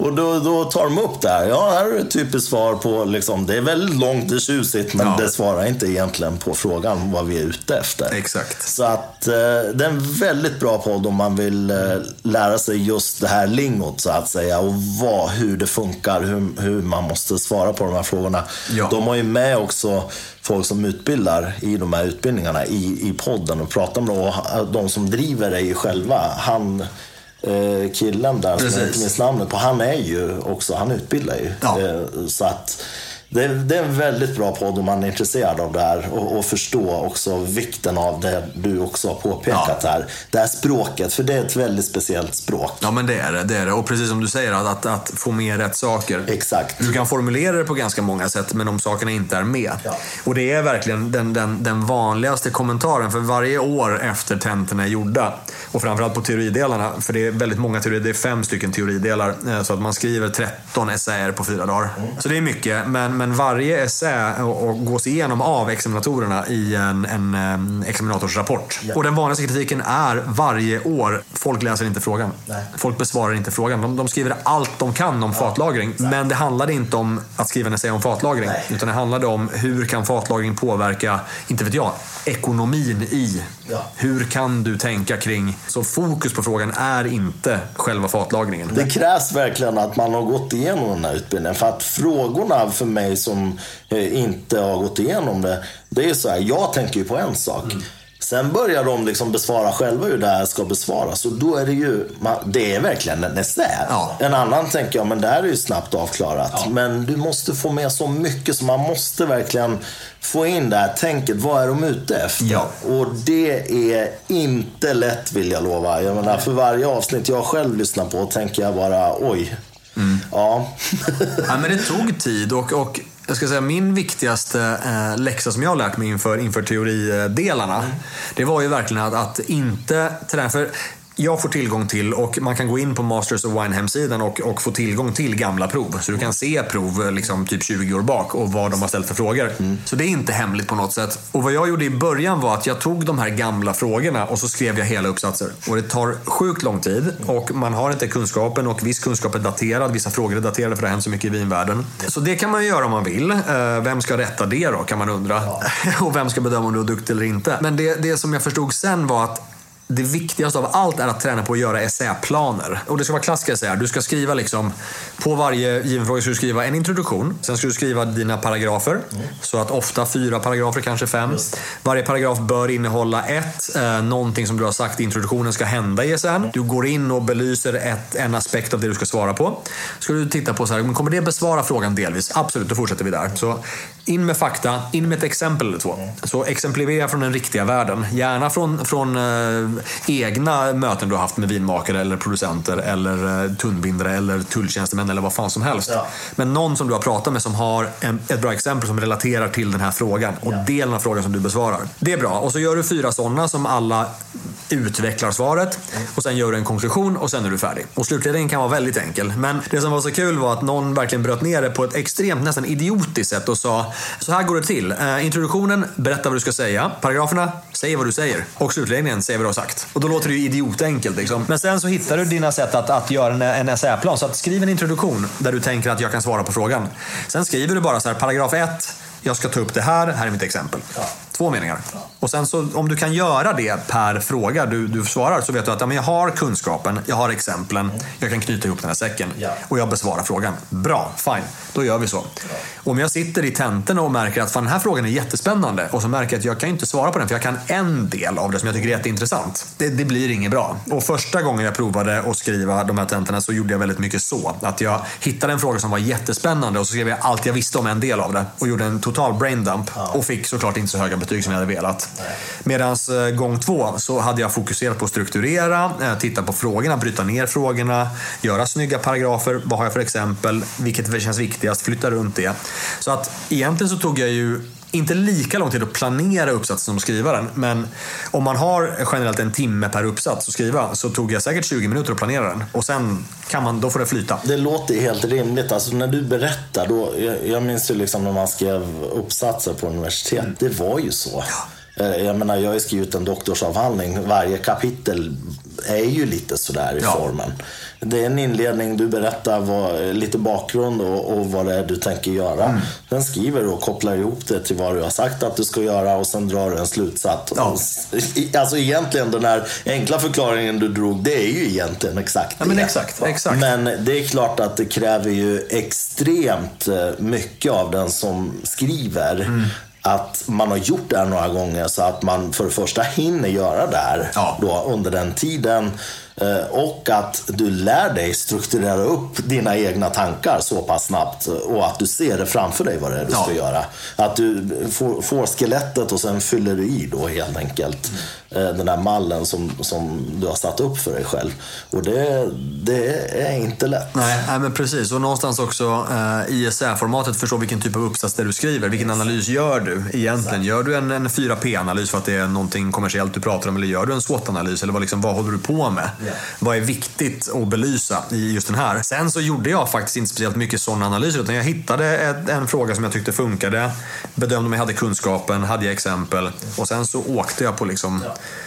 en uppsats. Eh, Så jag hade faktiskt inte så vansinnigt mycket statistik. Jag, jag, jag gjorde vissa SWOT-analyser så att jag hade styrkor och svagheter med vissa liksom, eh, frågeställningar, eh, vissa exempel. Men det som jag tycker är intressantare är egentligen att få med typ två exempel i samma paragraf så att man kan kontrastera. Eh, producent X gör precis så här med, med sina ekfat återigen då för att ett, de har tillgång till, till skogarna för det de bor i Frankrike. Eh, två, de har en stil som förväntas. Det, det spelar ingen riktig roll. Men, men producent Y, som bor här borta, de har en helt annan idé om hur de vill göra för att. De tror på icke-interventionism. De vill inte att det ska smaka någonting. De jobbar med... Alltså, Så att om man, kan- om man kan visa på liksom bredden redan där, då blir det intressantare för den som läser. Det, det, det gör att vinvärlden känns eh, både större och mindre på samma gång. Och så känns det som att jag ändå bemästrar ämnet. Ja. För jag har sett aspekterna av det. Jag kan diskutera från bägge sidorna. Och det är ju intressant, för det är inte egentligen jag som diskuterar. Jag ska visa ett kritiskt tänkande. Därför måste jag visa upp flera aspekter av det. Jag kan inte bara säga naturvindsproducenterna tycker så här, eller fabriksproducenterna tycker så här, eller någon helt vanlig producent i mitten tycker så här. Och så använder jag samma producent i varje exempel. Det visar ju inte någon bredd alls. För att kunna fixa de här proven då och klara sig. Vad har varit viktigast? Jag menar, till exempel, är, är det viktigt med praktisk erfarenhet att ha varit ute på vingårdar, se hur vinmakning går till? Jag kan tänka mig att det är väldigt nyttigt att ha sett det och hur olika vinmakare gör att också själv du vet när man har sett någonting, man lär sig på ett helt annat sätt. Ja. Jag, jag känner ju många som är intresserade av vin som läser om vinmakning men de har kanske aldrig varit ute på en vingård och, och sett i praktiken. Nej. Liksom. Nej, men Eh, precis. Så att man lär sig på ett helt annat sätt och man får se. Det sitter ju fast också i huvudet på Ja. ett annat sätt. Ja, men när, när det blir taktilt eh, så blir det mycket lättare att komma ihåg. Och när du har hört någon berätta det och du vet vad den personen heter eh, som sa det och berättade varför. Ja. Sen att varföret eh, för den personen är annorlunda gentemot varföret från den personen där, det, det spelar ingen roll. Men har du hört det så kommer det sitta kvar. Ja. För du kan läsa det till typ all kunskap i världen. Ja. Men, men det blir ju bara ord på ett papper och det finns ingen applicering riktigt. Nej, exakt. Men sen är det lite roligt. Jag eh, kom att tänka på ett exempel. Eh, som, som jag var på en vinresa Eh, tillsammans med, med ett gäng somlerar och en importör. Och det som var roligt var att, att eh, och jag fick det här belyst för mig själv, för jag tänkte inte ens på det. Men eh, när, när en sommelier ställer en fråga till en vinmakare så frågar de gärna eh, vilken skog kommer eken ifrån eller hur gamla, gammalt är fatet? Och, och Marshall studenten frågar vad har ni för mjukvaruprogram till er, eran fatbank? Vad, vad, vem har designat eran... eh, Du vet. Har ni solpaneler? Vem, eh, Vad kostar de att installera? Ja, Så att det är lite skillnad på vad man söker för kunskap också. Mitt intryck är att eh, Masters of Wine har liksom, de är mycket, mycket mer fokuserade än, än nördarna så att säga på hela processen. Och hela delen med retail och liksom försäljning. Det är mycket viktigare för att de vill se hela kedjan. Ja. Från druvan som odlas och vinrankan till att Mm. konsumenten köper den och konsumentens upplevelser av det också. Det tycker jag också är väldigt värdefullt för att många sådana här eh, skolor eller akademier tenderar ju till att bli väldigt teoritunga då. Och de sitter ju där och, och, svänger sig med alla tjusiga uttryck men man tänker bara på vilket sätt har det här med någon verklighet att göra? Ja. Så det är ytterligare en väldigt stor styrka faktiskt med hela, hela det här. Ja, men jag, tycker det, att det här med att förvalta sin egen kunskap är ju superviktigt och någonstans förstå vad, vad kan jag göra med all den här kunskapen i hur jag jobbar och var jag jobbar. Eh, så en annan person som jag pratar ganska mycket med, en, en kanadensisk master wine som heter David Forer, extremt begåvad. Eh, han bor i Spanien och har jobbat ganska mycket med just att, att exportera ekologiskt bulkvin till, eh, till Nordamerika. Mm. Och hur man sourcar det på ett bra sätt, hur man fraktar det på ett, på ett rimligt hållbart sätt, hur, liksom, hur det kan påverka marknaden där borta. Mm. Och han sa det att, att, när han studerade så var det väldigt många i hans umgängeskrets som var så här, men då ska du bli en sån där vinsnobb och liksom, du, du ska bara kunna allt och så ska du bli en sån där du, du, du blir den uppnästa liksom, som, som, som kan allt och bara dricker Gran Cru. Liksom. Det, det är så himla fint. Bara vid han svarar att jag ska, jag ska jobba med det här, jag ska fortsätta med det. Jag ska bli en master of wine, inte en master of fine wine. Nej. Och det är väldigt talande. Det handlar om hela skalan. Det handlar om att förstå alla viner. Ja. Och någonstans så blir en master of wine blir ju jätteimponerad av Matteus Rosé. För att det är det mest säljande rosévinet i världen. Och de säljer, under pandemin gick de inte ens ner i försäljning. De sålde så här flera hundra miljoner liter. Och varför funkar det? Hur har de liksom eh, slagit hål på marknaden? Det är inget vin som jag tycker om, men det är ett vin som jag respekterar för att de har liksom lyckats med någonting. Samma sak med liksom Harveys Bristol Cream sherryn där, som är den mest säljande sherryn i världen. Ja, men okej, det måste man ju titta på varför det är så. Hur har de liksom murbräckats in och rutat in den, den delen av det reviret? Och sen så måste jag ju också förstå eh, hur de finaste vinerna blir de finaste vinerna. Vad är kvalitet egentligen? Ja, då är det alltid verkligen. Precis, exakt. exakt vad är, vad är för... Vätskan eller är det något annat? Exakt, vad är det för faktorer som styr? Så, att, ja. så att det, det, det, handlar om att verkligen ha fingret på pulsen på alla viner. Så där har jag varit väldigt lyckligt lottad som har ett, jobbat för större restauranggrupper och provat mycket där. Men två, framförallt jobbat för importör som har sålt viner på, på alla möjliga nivåer. När var det här? Jag slutade hos importören i slutet av augusti 2022. Så det är ändå ganska nyligen? Ja, det är Och jag jobbade där tre år, eh, ganska så precis. Mm. Så jag började i augusti augusti 2019 och höll på till slutet på augusti 2022. Okay. Så tre år var jag, var, satt jag som produktchef hos en, en, en väldigt bra importör. Mm. Och jobbade då med både jättebra fine wines och jättemycket viner som, som jobbas i stora volymer, bibbar, var med och ta fram blends som skulle funka och liksom verkligen, verkligen se hela mm. bilden. Och också jobba för en importör som inte var rädd för att jobba med olika typer av format, olika typer av förpackningar, olika typer av, av, av ursprung mm. och, och liksom, ja, men allt, allt, allt. Ja. Och då faktiskt inom jobbet var tvungen att prova allt för att bedöma vad är bäst kvalitet precis här. Ja. I den här kontexten av vin, ja. vad är det bästa vi kan göra? Um, hur kan vi över, vad ska man säga, uh, överleverera på förväntningar mm. här? Mm. Och då faktiskt vinna upphandlingar. Då faktiskt vinna gentemot Systembolagets uppköpsprocess eller inköpsprocess. Det var ju jättespännande. Mm. För, för då kan man också nyansera vad kvalitet kan vara just där och då. Vad, vad letar vi efter? Ja, men det låter ju utifrån uh Masters of Wine-utbildningen, det låter ju som helt perfekt ja, ställe att vara jag, jag tror inte jag hade kunnat uh, klara teorin utan den Nej, uh, erfarenheten. Det tror jag inte. Nej. För att inte se branschen från, från fler sidor, då, då, då, kan du inte klara dig. Nej, och just där också få den här känslan för prissegment. Och Exakt, och, och, det, och det är ju extremt praktiskt om jag blindprovar någonting och bedömer att ja, men det är den här typen av vin. Ja. Då vet jag ju exakt var det vinet sitter på svenska marknaden. Och kan jag då ha en eller två marknader till som jag känner till, ja. Låt säga att jag tar USA och så tar jag kanske Frankrike. Ja. Då har jag breddat väldigt mycket. Så jag har en monopolmarknad, en marknad i nya världen och en i gamla världen, en traditionell marknad. Då, då, då, kan jag berätta var viner sitter på ett bra sätt. Så det är ju extremt praktiskt. Ja. Den bredden kan det vara många master studenter som saknar. För att de gör en sak. Och beroende på var du lever och verkar så är det också svårt. Om man pratar med, med studenter som bor i Sydafrika. De importerar inte lika mycket vin som vi gör här. De har inte hela världen, även om man kan prata om utbudet och begränsningarna där. Men vi har ändå alla ursprung. Så jag kan ju hitta vin. Men i Sydafrika så den importen ser helt annorlunda ut. Så där får de liksom, de flyger ju på riktigt upp till Europa för att gå på provningar. Ja, för, att, ja. för att det är där det finns. Ja. Eh, de spenderar två veckor i London för att gå på provningar. För det går inte hemma. Liksom. Nej, det förstår jag. Det, det gör ju stor skillnad. Men då var du där och så slutar och nu, ja. det är ju nyligen då, nu är det 2023 då. Så var befinner vi oss just nu då i processen? Nu har du klarat av teorin. Ja, precis. Och då, då är det alltså ett steg kvar då som du ska ta dig Ja, det är ju egentligen ett och ett halvt steg. Ja, just det, för prakti det är den praktiska precis, delen på steg den praktiska två. delen på steg två kvar. Yes. Så att det är ju, man, man säger att det är två delar, men egentligen så är det ju åtta examinationer som man sitter. Varav tre är praktiska och fem är teoretiska. Så att när det kommer till de praktiska som är de tre blindprovningarna, då måste jag klara alla tre på samma år för att kunna gå vidare. När det kommer till teorin, när det är fem stycken delar och de delarna innehåller flera SR igen.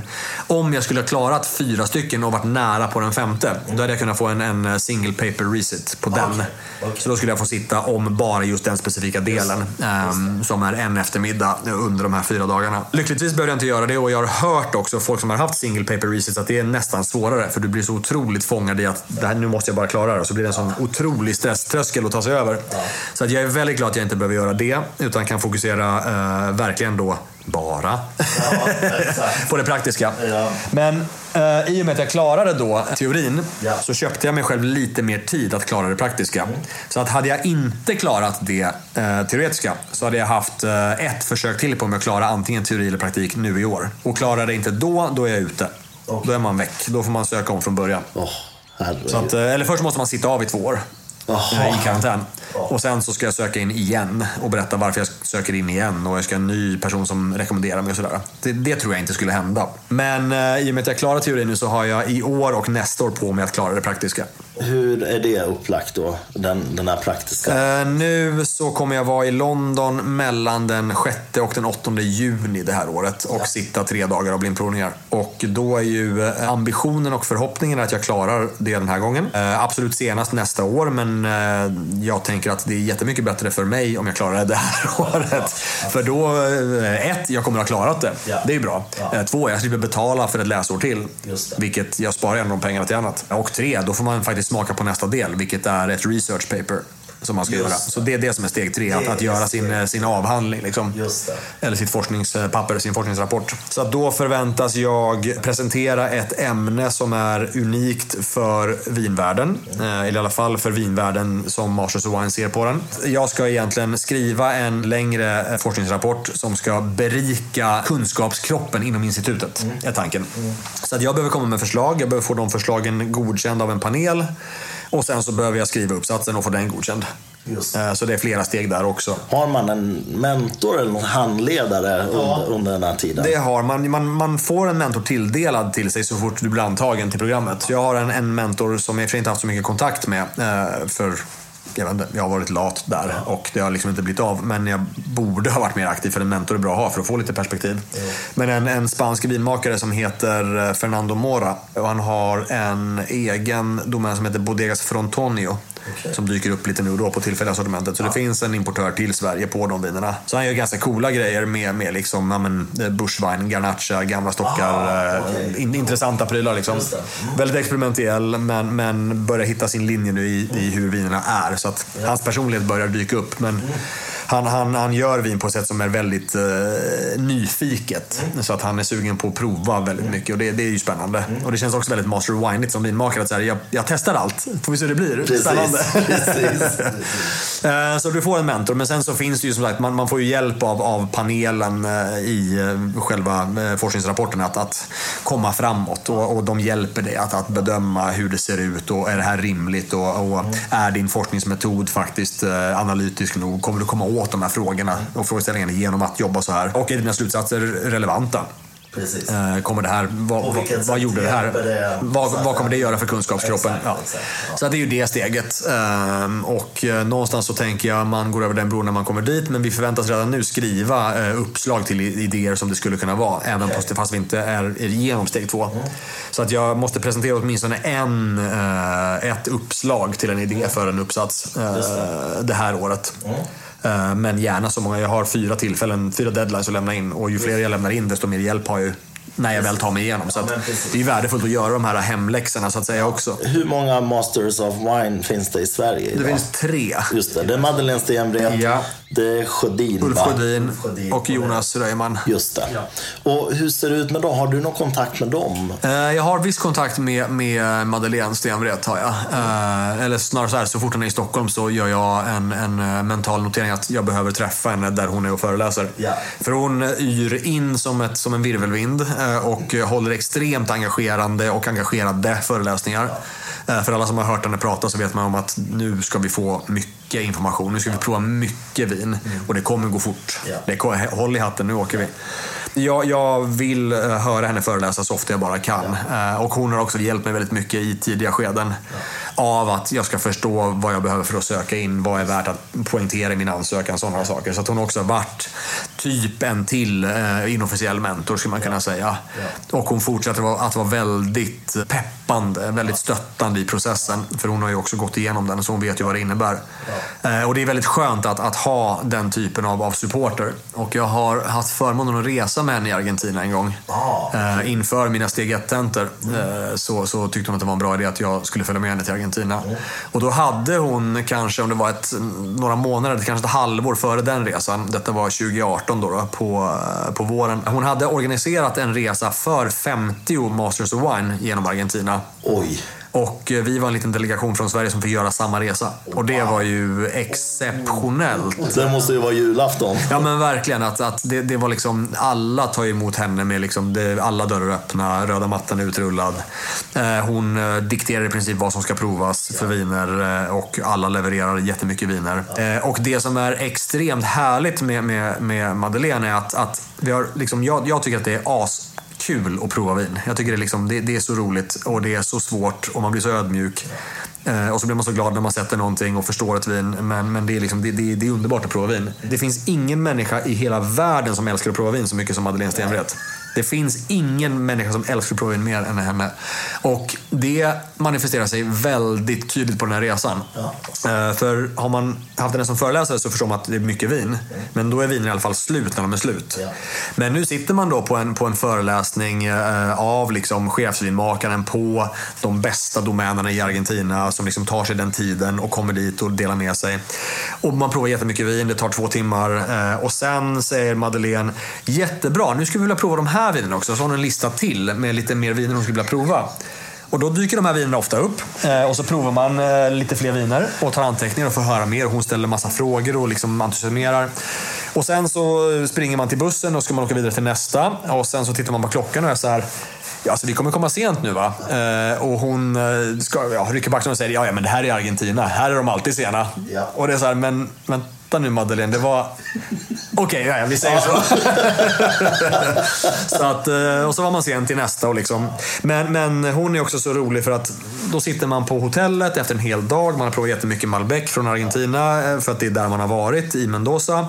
Då har hon sett till så att det har kommit levererat från Europa eh, Malbecer från Frankrike. Så vi ska kunna jämföra kring middagen. Så det, det, finns alltid mer att prova. Det, det tar aldrig slut. Det och det är magiskt. fantastiskt. Det är magiskt. Det, det, är ju så inspirerande. Det är exakt det där man vill ska ske ju. Ja. Om man är mitt uppe i den här processen som ja. du är. Nej men verkligen, det finns ju inget bättre sätt att lära sig än att exponera sig för ännu mer. Dels att omge sig med kunskap. Ja. Är kanske det bästa. Mm. Men att också utsätta sig för potentiell lärdom hela tiden. Det är ju det bästa. Den här nyfikenheten av att prova vin. Mm det är ju enda sättet att bli bättre. Jag är ju lite sådär också, jag drar mig inte för att testa det som finns där och då. Det kan vara så här, flygplatser. Jag är på en flygplats, väntar på ett flyg. Jag tittar in i den här baren jag sitter i. Finns inte många flaskor, men ja, den där har jag inte testat. Ja, vi testar för att se vad som händer. Den är ju där för att drickas. Behöver inte ens dricka. Jag kan dricka och spotta ibland. Men då har jag testat den i alla fall. Och jag poängterar alltid det där, våga testa dåliga viner också. Ja. Man har ingen referensram annars. Det är ju bara så. Verkligen. Testar man bara Grand Cru, hur vet man ens att det är bra till slut? Jag har en, en, en extremt, extremt härligt eh, citat när det kommer till just att, att inte veta vad som händer ja. under en viss nivå. Ja. Jag jobbade på, på en eh, restaurang, en, en, en känd adress i Stockholm som är eh, luxuös kan man väl säga. Och eh, där går det att rekommendera vin och börja ganska högt upp och tänka att eh, 1500-600 kronor flaskan är, liksom, det, det, det, är inte jättemycket, så man kan väl börja där. Mm. Så jag rekommenderar till ett sällskap en flaska för, ja, men, låt säga att den kostar 1700 kronor. Och det är ju pengar på riktigt, mm. kan jag tycka. Mm. Och då ska man ju förvänta sig att få ganska mycket vin för pengarna. Och jag rekommenderar att berätta varför och liksom försöker entusiasmera den här gästen och tänka att det kommer funka jättebra till maten. Allt som man gör som sommelierare. Nu ska, nu, nu ska jag ge en bra service här. Gästen tittar på mig och säger Ja, vet du vad? Det låter ju misstänkt billigt. Men det kanske kan vara spännande så var ju ändå öppen för att prova någonting. Slumma lite där vid 1700. Ja, just det. Ja, det gick ju bra. Ja. Det, det gick att dricka. Ja. Vilken tur. Ja, verkligen. Men det är just att det är misstänkt billigt. Ja, det är olika referensramar där också. Underbart uttryck. Satt sig fast att säga ja, ja, vet du vad, det kanske det var. Men eh, Ja. jag skulle vilja leva där du lever ibland och prova det. Ja, men faktiskt. Jag vill nog tillbaks till mig sen, men Ja, jag skulle vilja prova att ha dina skor på mig ett tag. Ja. Det, verkar, det, verkar, det verkar spännande. Men du, eh, Lars, jag tänker så här. Nu är det då det praktiska provet kvar eh, och sen då det här sista Mm. steget då med den här längre essän då, kan man kalla den så. Exakt. Det här som du berättar då ska vara förhoppningsvis klart då de kommande två, tre åren. Det är väl eh, grund, grundtanken att det ska vara det. Jag har, ja, men som mest kan det ta typ, låt säga fyra och ett halvt, fem år till som mest. Om jag klarar det praktiska på sista försöket. Ja. Och sen har jag en uppsats som tar lång tid att skriva. Ja. Om vi ska liksom återgå till vissa uppsatser kan måste ta längre tid att skriva. Madeleine Stenvret, om vi ska ta henne igen. Hennes eh, uppsats handlar om, om eh, höghöjdsodling och dess påverkan på, på Malbecs karaktäristik. Så hon fick ju vinodlare att odla saker åt henne i princip. Ja. Det tar en stund. Ja, ja. Men hon är också Madeleine Stenvret så att hon får det att hända. Andra uppsatser går väldigt mycket fortare att göra så att den kan vara färdig på åtta månader, kan ta ett och ett halvt år, kan ta två år. Det, det beror lite på. Men, men jag skulle kunna vara i programmet så mycket som typ fyra och ett halvt, fem år till. Eh, Min tanke är att jag inte ska vara det. Du vill bli klar. Jag vill bli klar och jag vill ju framförallt klara mig eh, genom det här eh, på något sätt. Om jag har klarat mig igenom mina tidigare utbildningar oskadd. Eh, jag är ju våd, nästan vådaskjuten flera gånger på det här. För det är så många gånger som, som det känns som att vad, vad, okej, vad håller jag på med? Vad är värdet? Vad är liksom, Finns det inte annat i livet som man kan fokusera på? Eh, vilket ju också finns givetvis. Eh, men det pratar jag inte alltid om att det finns. till, till, till omgivningsförtret såklart. Nej, men det, det, det, är så mycket mer med det här än bara själva plugget. Det handlar om också att hålla sig själv motiverad och hålla sig skarp och hålla sig fokuserad framför allt. Så att jag, jag känner att, att bara jag kan, oavsett hur det går, bara jag kan bibehålla någon typ av, av professionellt och, och passionerat fokus, emotionellt fokus nästan till vad jag håller på med. Så länge det är kvar så kan jag nästan förlika mig med att inte klara mig. Ja. Nästan. Och om jag tänker på, på egentligen vad statistiken säger. Eh, vi är nu en, en studiegrupp i Stockholm. Det är faktiskt sex personer som är inbegripna i Master of Wine-programmet i Sverige. Och vi ses och, och pluggar tillsammans. Statistiskt sett kommer eh, 0,0 procent av oss klara oss. Just. Eh, Så avrundat ordentligt kommer ingen klara sig. Avrundat generöst uppåt kommer en av oss klara sig. Man får ju bortse från det. Det går inte att tänka på det. Det går inte att tänka så. Och återigen, det är ju någonstans också vägen som är målet. Ja. Då. Så oavsett eh, eh, vad som händer, om du klarar det eller inte, så det här har ju förändrat dig för alltid. Oh ja. Du kommer inte kunna gå tillbaka till den du var innan, det går inte. det säga. och den här enorma kunskapen och erfarenheten som du har nu är ju extremt värdefull. Och hur den går, du kommer aldrig ha problem så att säga att eh, eh, få jobb i branschen och du kommer alltid förmodligen också kunna jobba med exakt det du vill göra. Så att det är ju väldigt värdefullt. Liksom. Men, men om du tänker framåt då. Eh, Säg att du klarar det då, ja, men, eller inte klarar det. I vilken del av branschen tänker du dig att du skulle vilja vara verksam i framtiden? Har du kunnat tänka på det någonting? Ja, det har jag ganska mycket faktiskt. Eh, och någonstans redan när jag sökte in till programmet 2017 så var jag ju tvungen att tänka på det. För jag var tvungen att berätta för dem hur jag såg mig själv vara en del av, av vinvärlden i, i, i en nisch men även i stort. Eh, vad ser jag liksom som min påverkan positivt för, för vinvärlden? Och Någonstans har jag ju förstått att med hela min bakgrund hela vägen tillbaka till musiken så har ju min, min passion har ju varit att på något sätt kommunicera. Att på något sätt entusiasmera, på något sätt förmedla kunskap, känslor. Göra någonting som ser tvådimensionellt ut tredimensionellt. Mm. Och det håller jag fast vid. Och, och min, min pretentiösa idé är ju att revolutionära undervisning inom vin i Sverige. Det är jättepretentiöst, men det är bra att vara pretentiös för då har man högt ställda mål mål. Ja, men hela, hela sikten mot stjärnorna hamnar på månen och det är ändå förbannat högt. Men jag ser mig själv att fortsätta kommunicera på ett kunskapsgivande sätt. Ja. Uh, var jag hamnar i det vet jag inte, men nu uh, sen jag slutade jobba hos importör så, så jobbar jag fulltid som egentligen kommunikationskonsult inom vin. Just. Så att jag pysslar med undervisning, pysslar med utbildningar, pysslar med specialprovningar. Uh, och, och, och, när jag säger pysslar med det, jag jobbar jättemycket med det. För det är det jag vill göra, det som jag, som jag kan bäst. Och någonstans eh, återskapa känslan jag hade när jag gick och pluggade av den här människan som gav idéer tillbaka som svar på frågor. Det, det, är väl det jag ser mig själv fortsätta med. Eh, och inte bromsa för att oj, nu blev jag specialist, nu kan jag en sak, nu gör jag den saken. Utan jag är lite just nu, och det kan jag vara för att jag är så färsk genom teorin, jag är lite orolig för att bli specialist. Mm. Jag vill inte det spontant, Nej. utan jag vill vara generalist. Ja. För att det känns mycket intressantare, för då måste jag hålla mig på tå på ett helt annat sätt. Ja. Då måste jag för varje föreläsning jag håller förstå vad den föreläsningen handlar om. Ja. Applicera min kunskap och mina filter på det.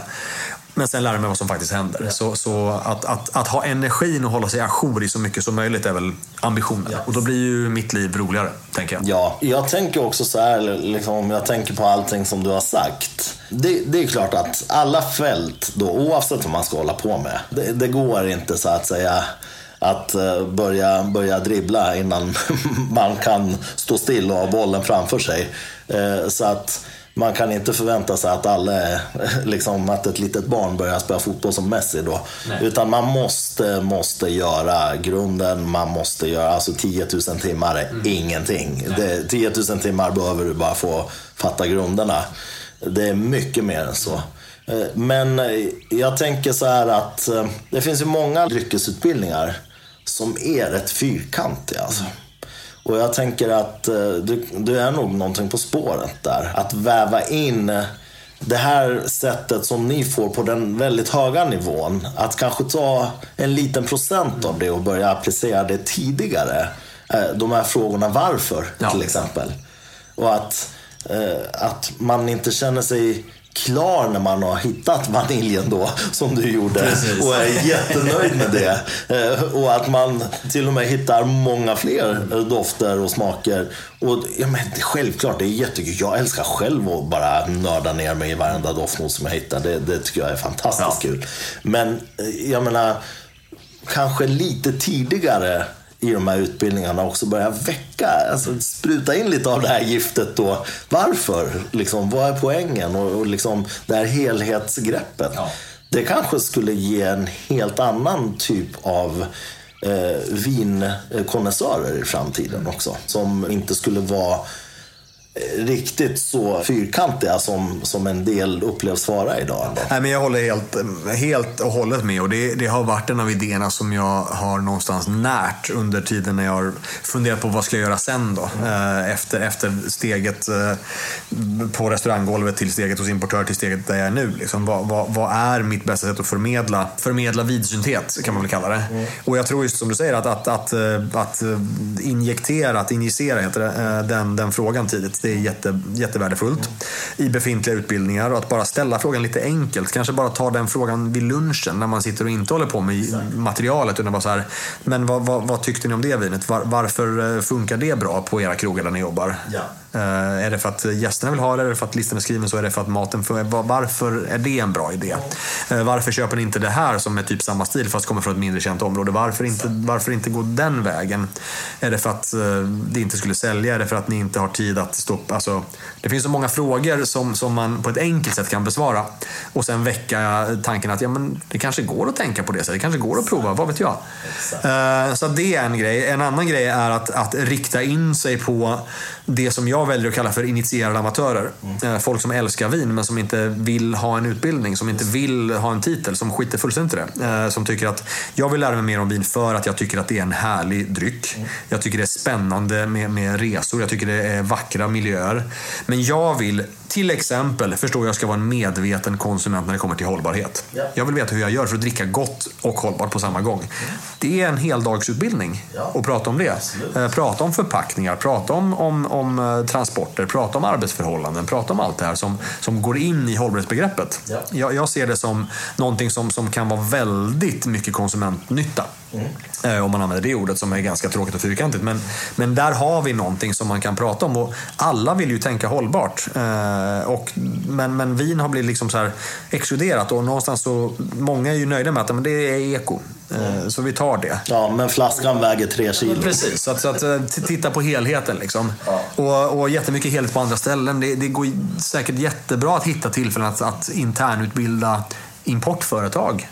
Hur, hur, hur ska man tänka konkurrensmässigt för att passa in Ja. På den marknaden? Vilka up and coming marknader finns som skulle kunna passa i Sverige? Var kan man leta? Ehm, Ja. Så liksom hjälpa till med lite, lite omvärldsanalys. Sådana saker finns ju också. Det är ju så här, man kan inte revolutionera en bransch över, över en dag. Men många bäckar små så att säga. Och jag tror att summan av alla den här typen av eh, utbildningar som du nämner på olika nivåer med olika aktörer i branschen. Det skulle leda till stora förändringar på sikt. Ja, ja men jag tror det. Ja. Jag tror det. Och kan man implementera det i en befintlig skolmiljö, att bara få in Exakt. en föreläsning eh, som handlar om det. Eh, att, att, jag menar, nu vet jag att det finns ju skolor som, som eh, gärna jobbar med liksom heldagsföreläsningarna om miljöaspekten, eh, om hållbarhet i vingårdarna, om alternativa odlingstekniker, eh, regenerativt jordbruk, alltså allt det här. Så det, det, det är ju på väg ditåt, för det går inte att förneka att de frågorna är extremt viktiga Nej, för alla som eh, både jobbar i branschen men som konsumerar drycken. Exakt. Det är ju superviktigt. Ja, det är ju det. Plus att äntligen har ju folk insett att hållbarhet går att tjäna pengar på. Det, det är Ja. ju kanske det viktigaste argumentet då till att folk ändrar ett beteende. Det är ju när de inser att Ja, shit. Byter vi till LED-lampa så kostar det faktiskt mindre el. så att Precis. Det, det tänket kan man ju ha i högsta grad i, i, inom vinbranschen också. Ja, men verkligen, verkligen. Och någonstans så får vi ju inte glömma att, och jag menar det här är den osexigaste kommentaren jag kommer fälla idag, men, men vin är ju en kommersiell produkt. Ja. Eh, Den måste kunna gå fortsätta producera för att den ska kunna gå att sälja, för att den ska kunna gå att konsumera. Så att vi måste ju verkligen hitta rätt i det här vägvalet som vi har. Ja. För annars kommer eh, kommersiella kraften försvinna, för det finns inget att sälja, för det tar slut Exakt. på vingårdsmark för att vi inte odlar bra. Så att, så att allting går ju hand i hand. Vill vi njuta av det måste vi ta ansvar för det. Det går inte att stå där med sina prestigeflaskor som väger tre kilo och tänka att det är fine, det här är ju bara jag på den här nivån som dricker det här. Utan det handlar ju om, om att allting tricklar neråt. Allting. Och allt hänger ihop framför allt. Exakt. Allt är allt. Ja, Lars. Alltså jag personligen skulle vilja att eh, det här kan fortsätta i en 5-6 timmar till. Eh, Och, och du är ju en drömgäst. Inte bara för att du är en oerhört intressant person och din resa är så otroligt inspirerande och den är inte slut än. Och, och jag hoppas att, att någonstans eh, i framtiden kanske göra att du gör ett återbesök och, och berättar vad som har hänt efter att vi ses idag. Men eh, det är ju också så oerhört eh, viktigt de här frågorna för att vin är ju inte bara en kommersiell produkt utan det är ju också en produkt bland andra då. Så att pratar man om, om vin och hållbarhet så, så får man också in ett tänk som påverkar allting annat. För att vin är ju också en produkt som vi dricker som många andra saker som vi dricker. Och det är liksom, den här medvetenheten rör ju också många andra produkter. Och det gäller ju någonstans att, att eh, skapa en bred insikt om hur saker och ting förhåller sig där ute. Och, och framförallt med de klimat... Eh, förändringar som vi har just nu. Det, det är ju verkligen inte lätt. Så jag är jätte, jätteglad och stolt och nöjd över att du har velat ta dig tid att vara här idag. Och jag är jättetacksam. Känner du dig nöjd? Har vi fått med allting i din resa? Det är ju säkert så mycket till du skulle kunna berätta. Men har, har du fått med liksom eh, det mesta av, av din resa fram till idag? Vi började ändå någonstans 1988 och har landat i 23. Så att vi, det hände en del däremellan. Så att jag tycker att vi har fått med mycket. Ja, ja. Eh, Allt får man aldrig med. Nej, så. men, men förhoppningsvis har vi, lyckats bygga en, en, en nyanserad bild av, av i alla fall mitt lilla hörn i vinvärlden. Ja. Eh, där jag försöker att vara en så entusiasmerande person som möjligt. Ja, men det, det är du verkligen och det tror jag att eh, lyssnarna också hör.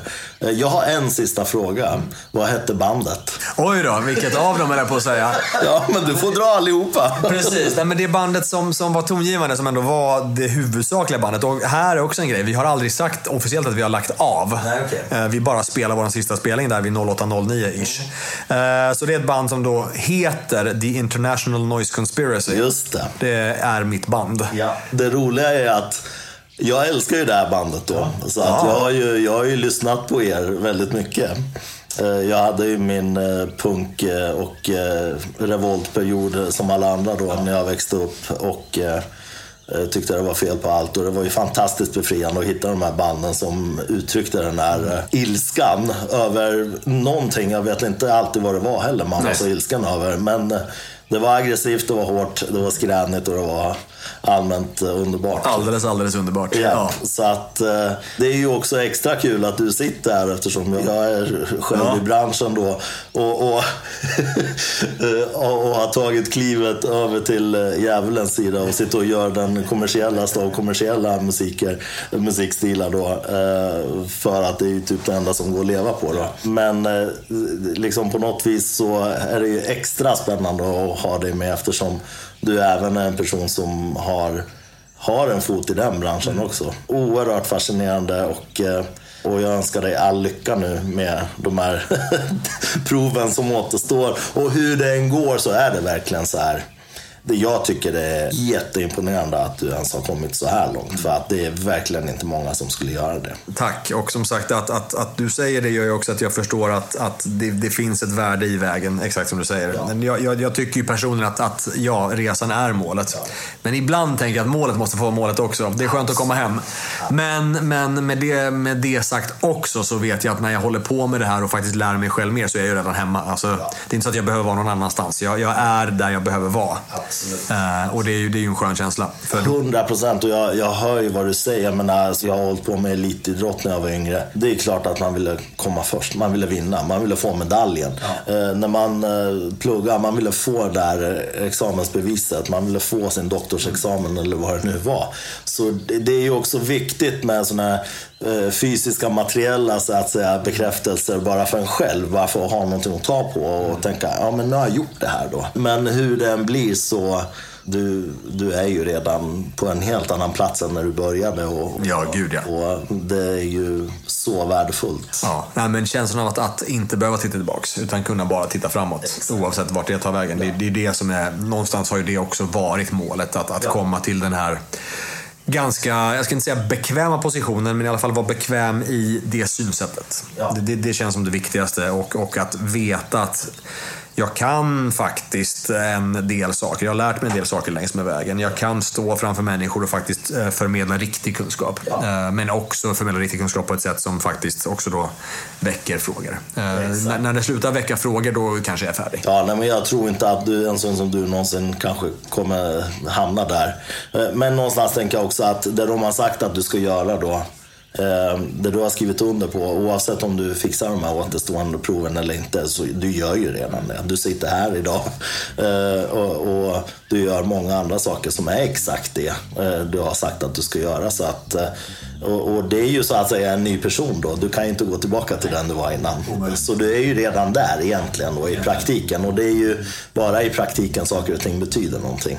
Men äh, återigen, stort och varmt tack och, och lycka till nu. Vi tack. ser med spänning fram emot hur det här ska gå. Nå någonting bockar vi av. Ja. Så får vi se vad vi pratar om nästa gång. Absolut. Tack snälla för att jag fick ja. vara här. Tack själv.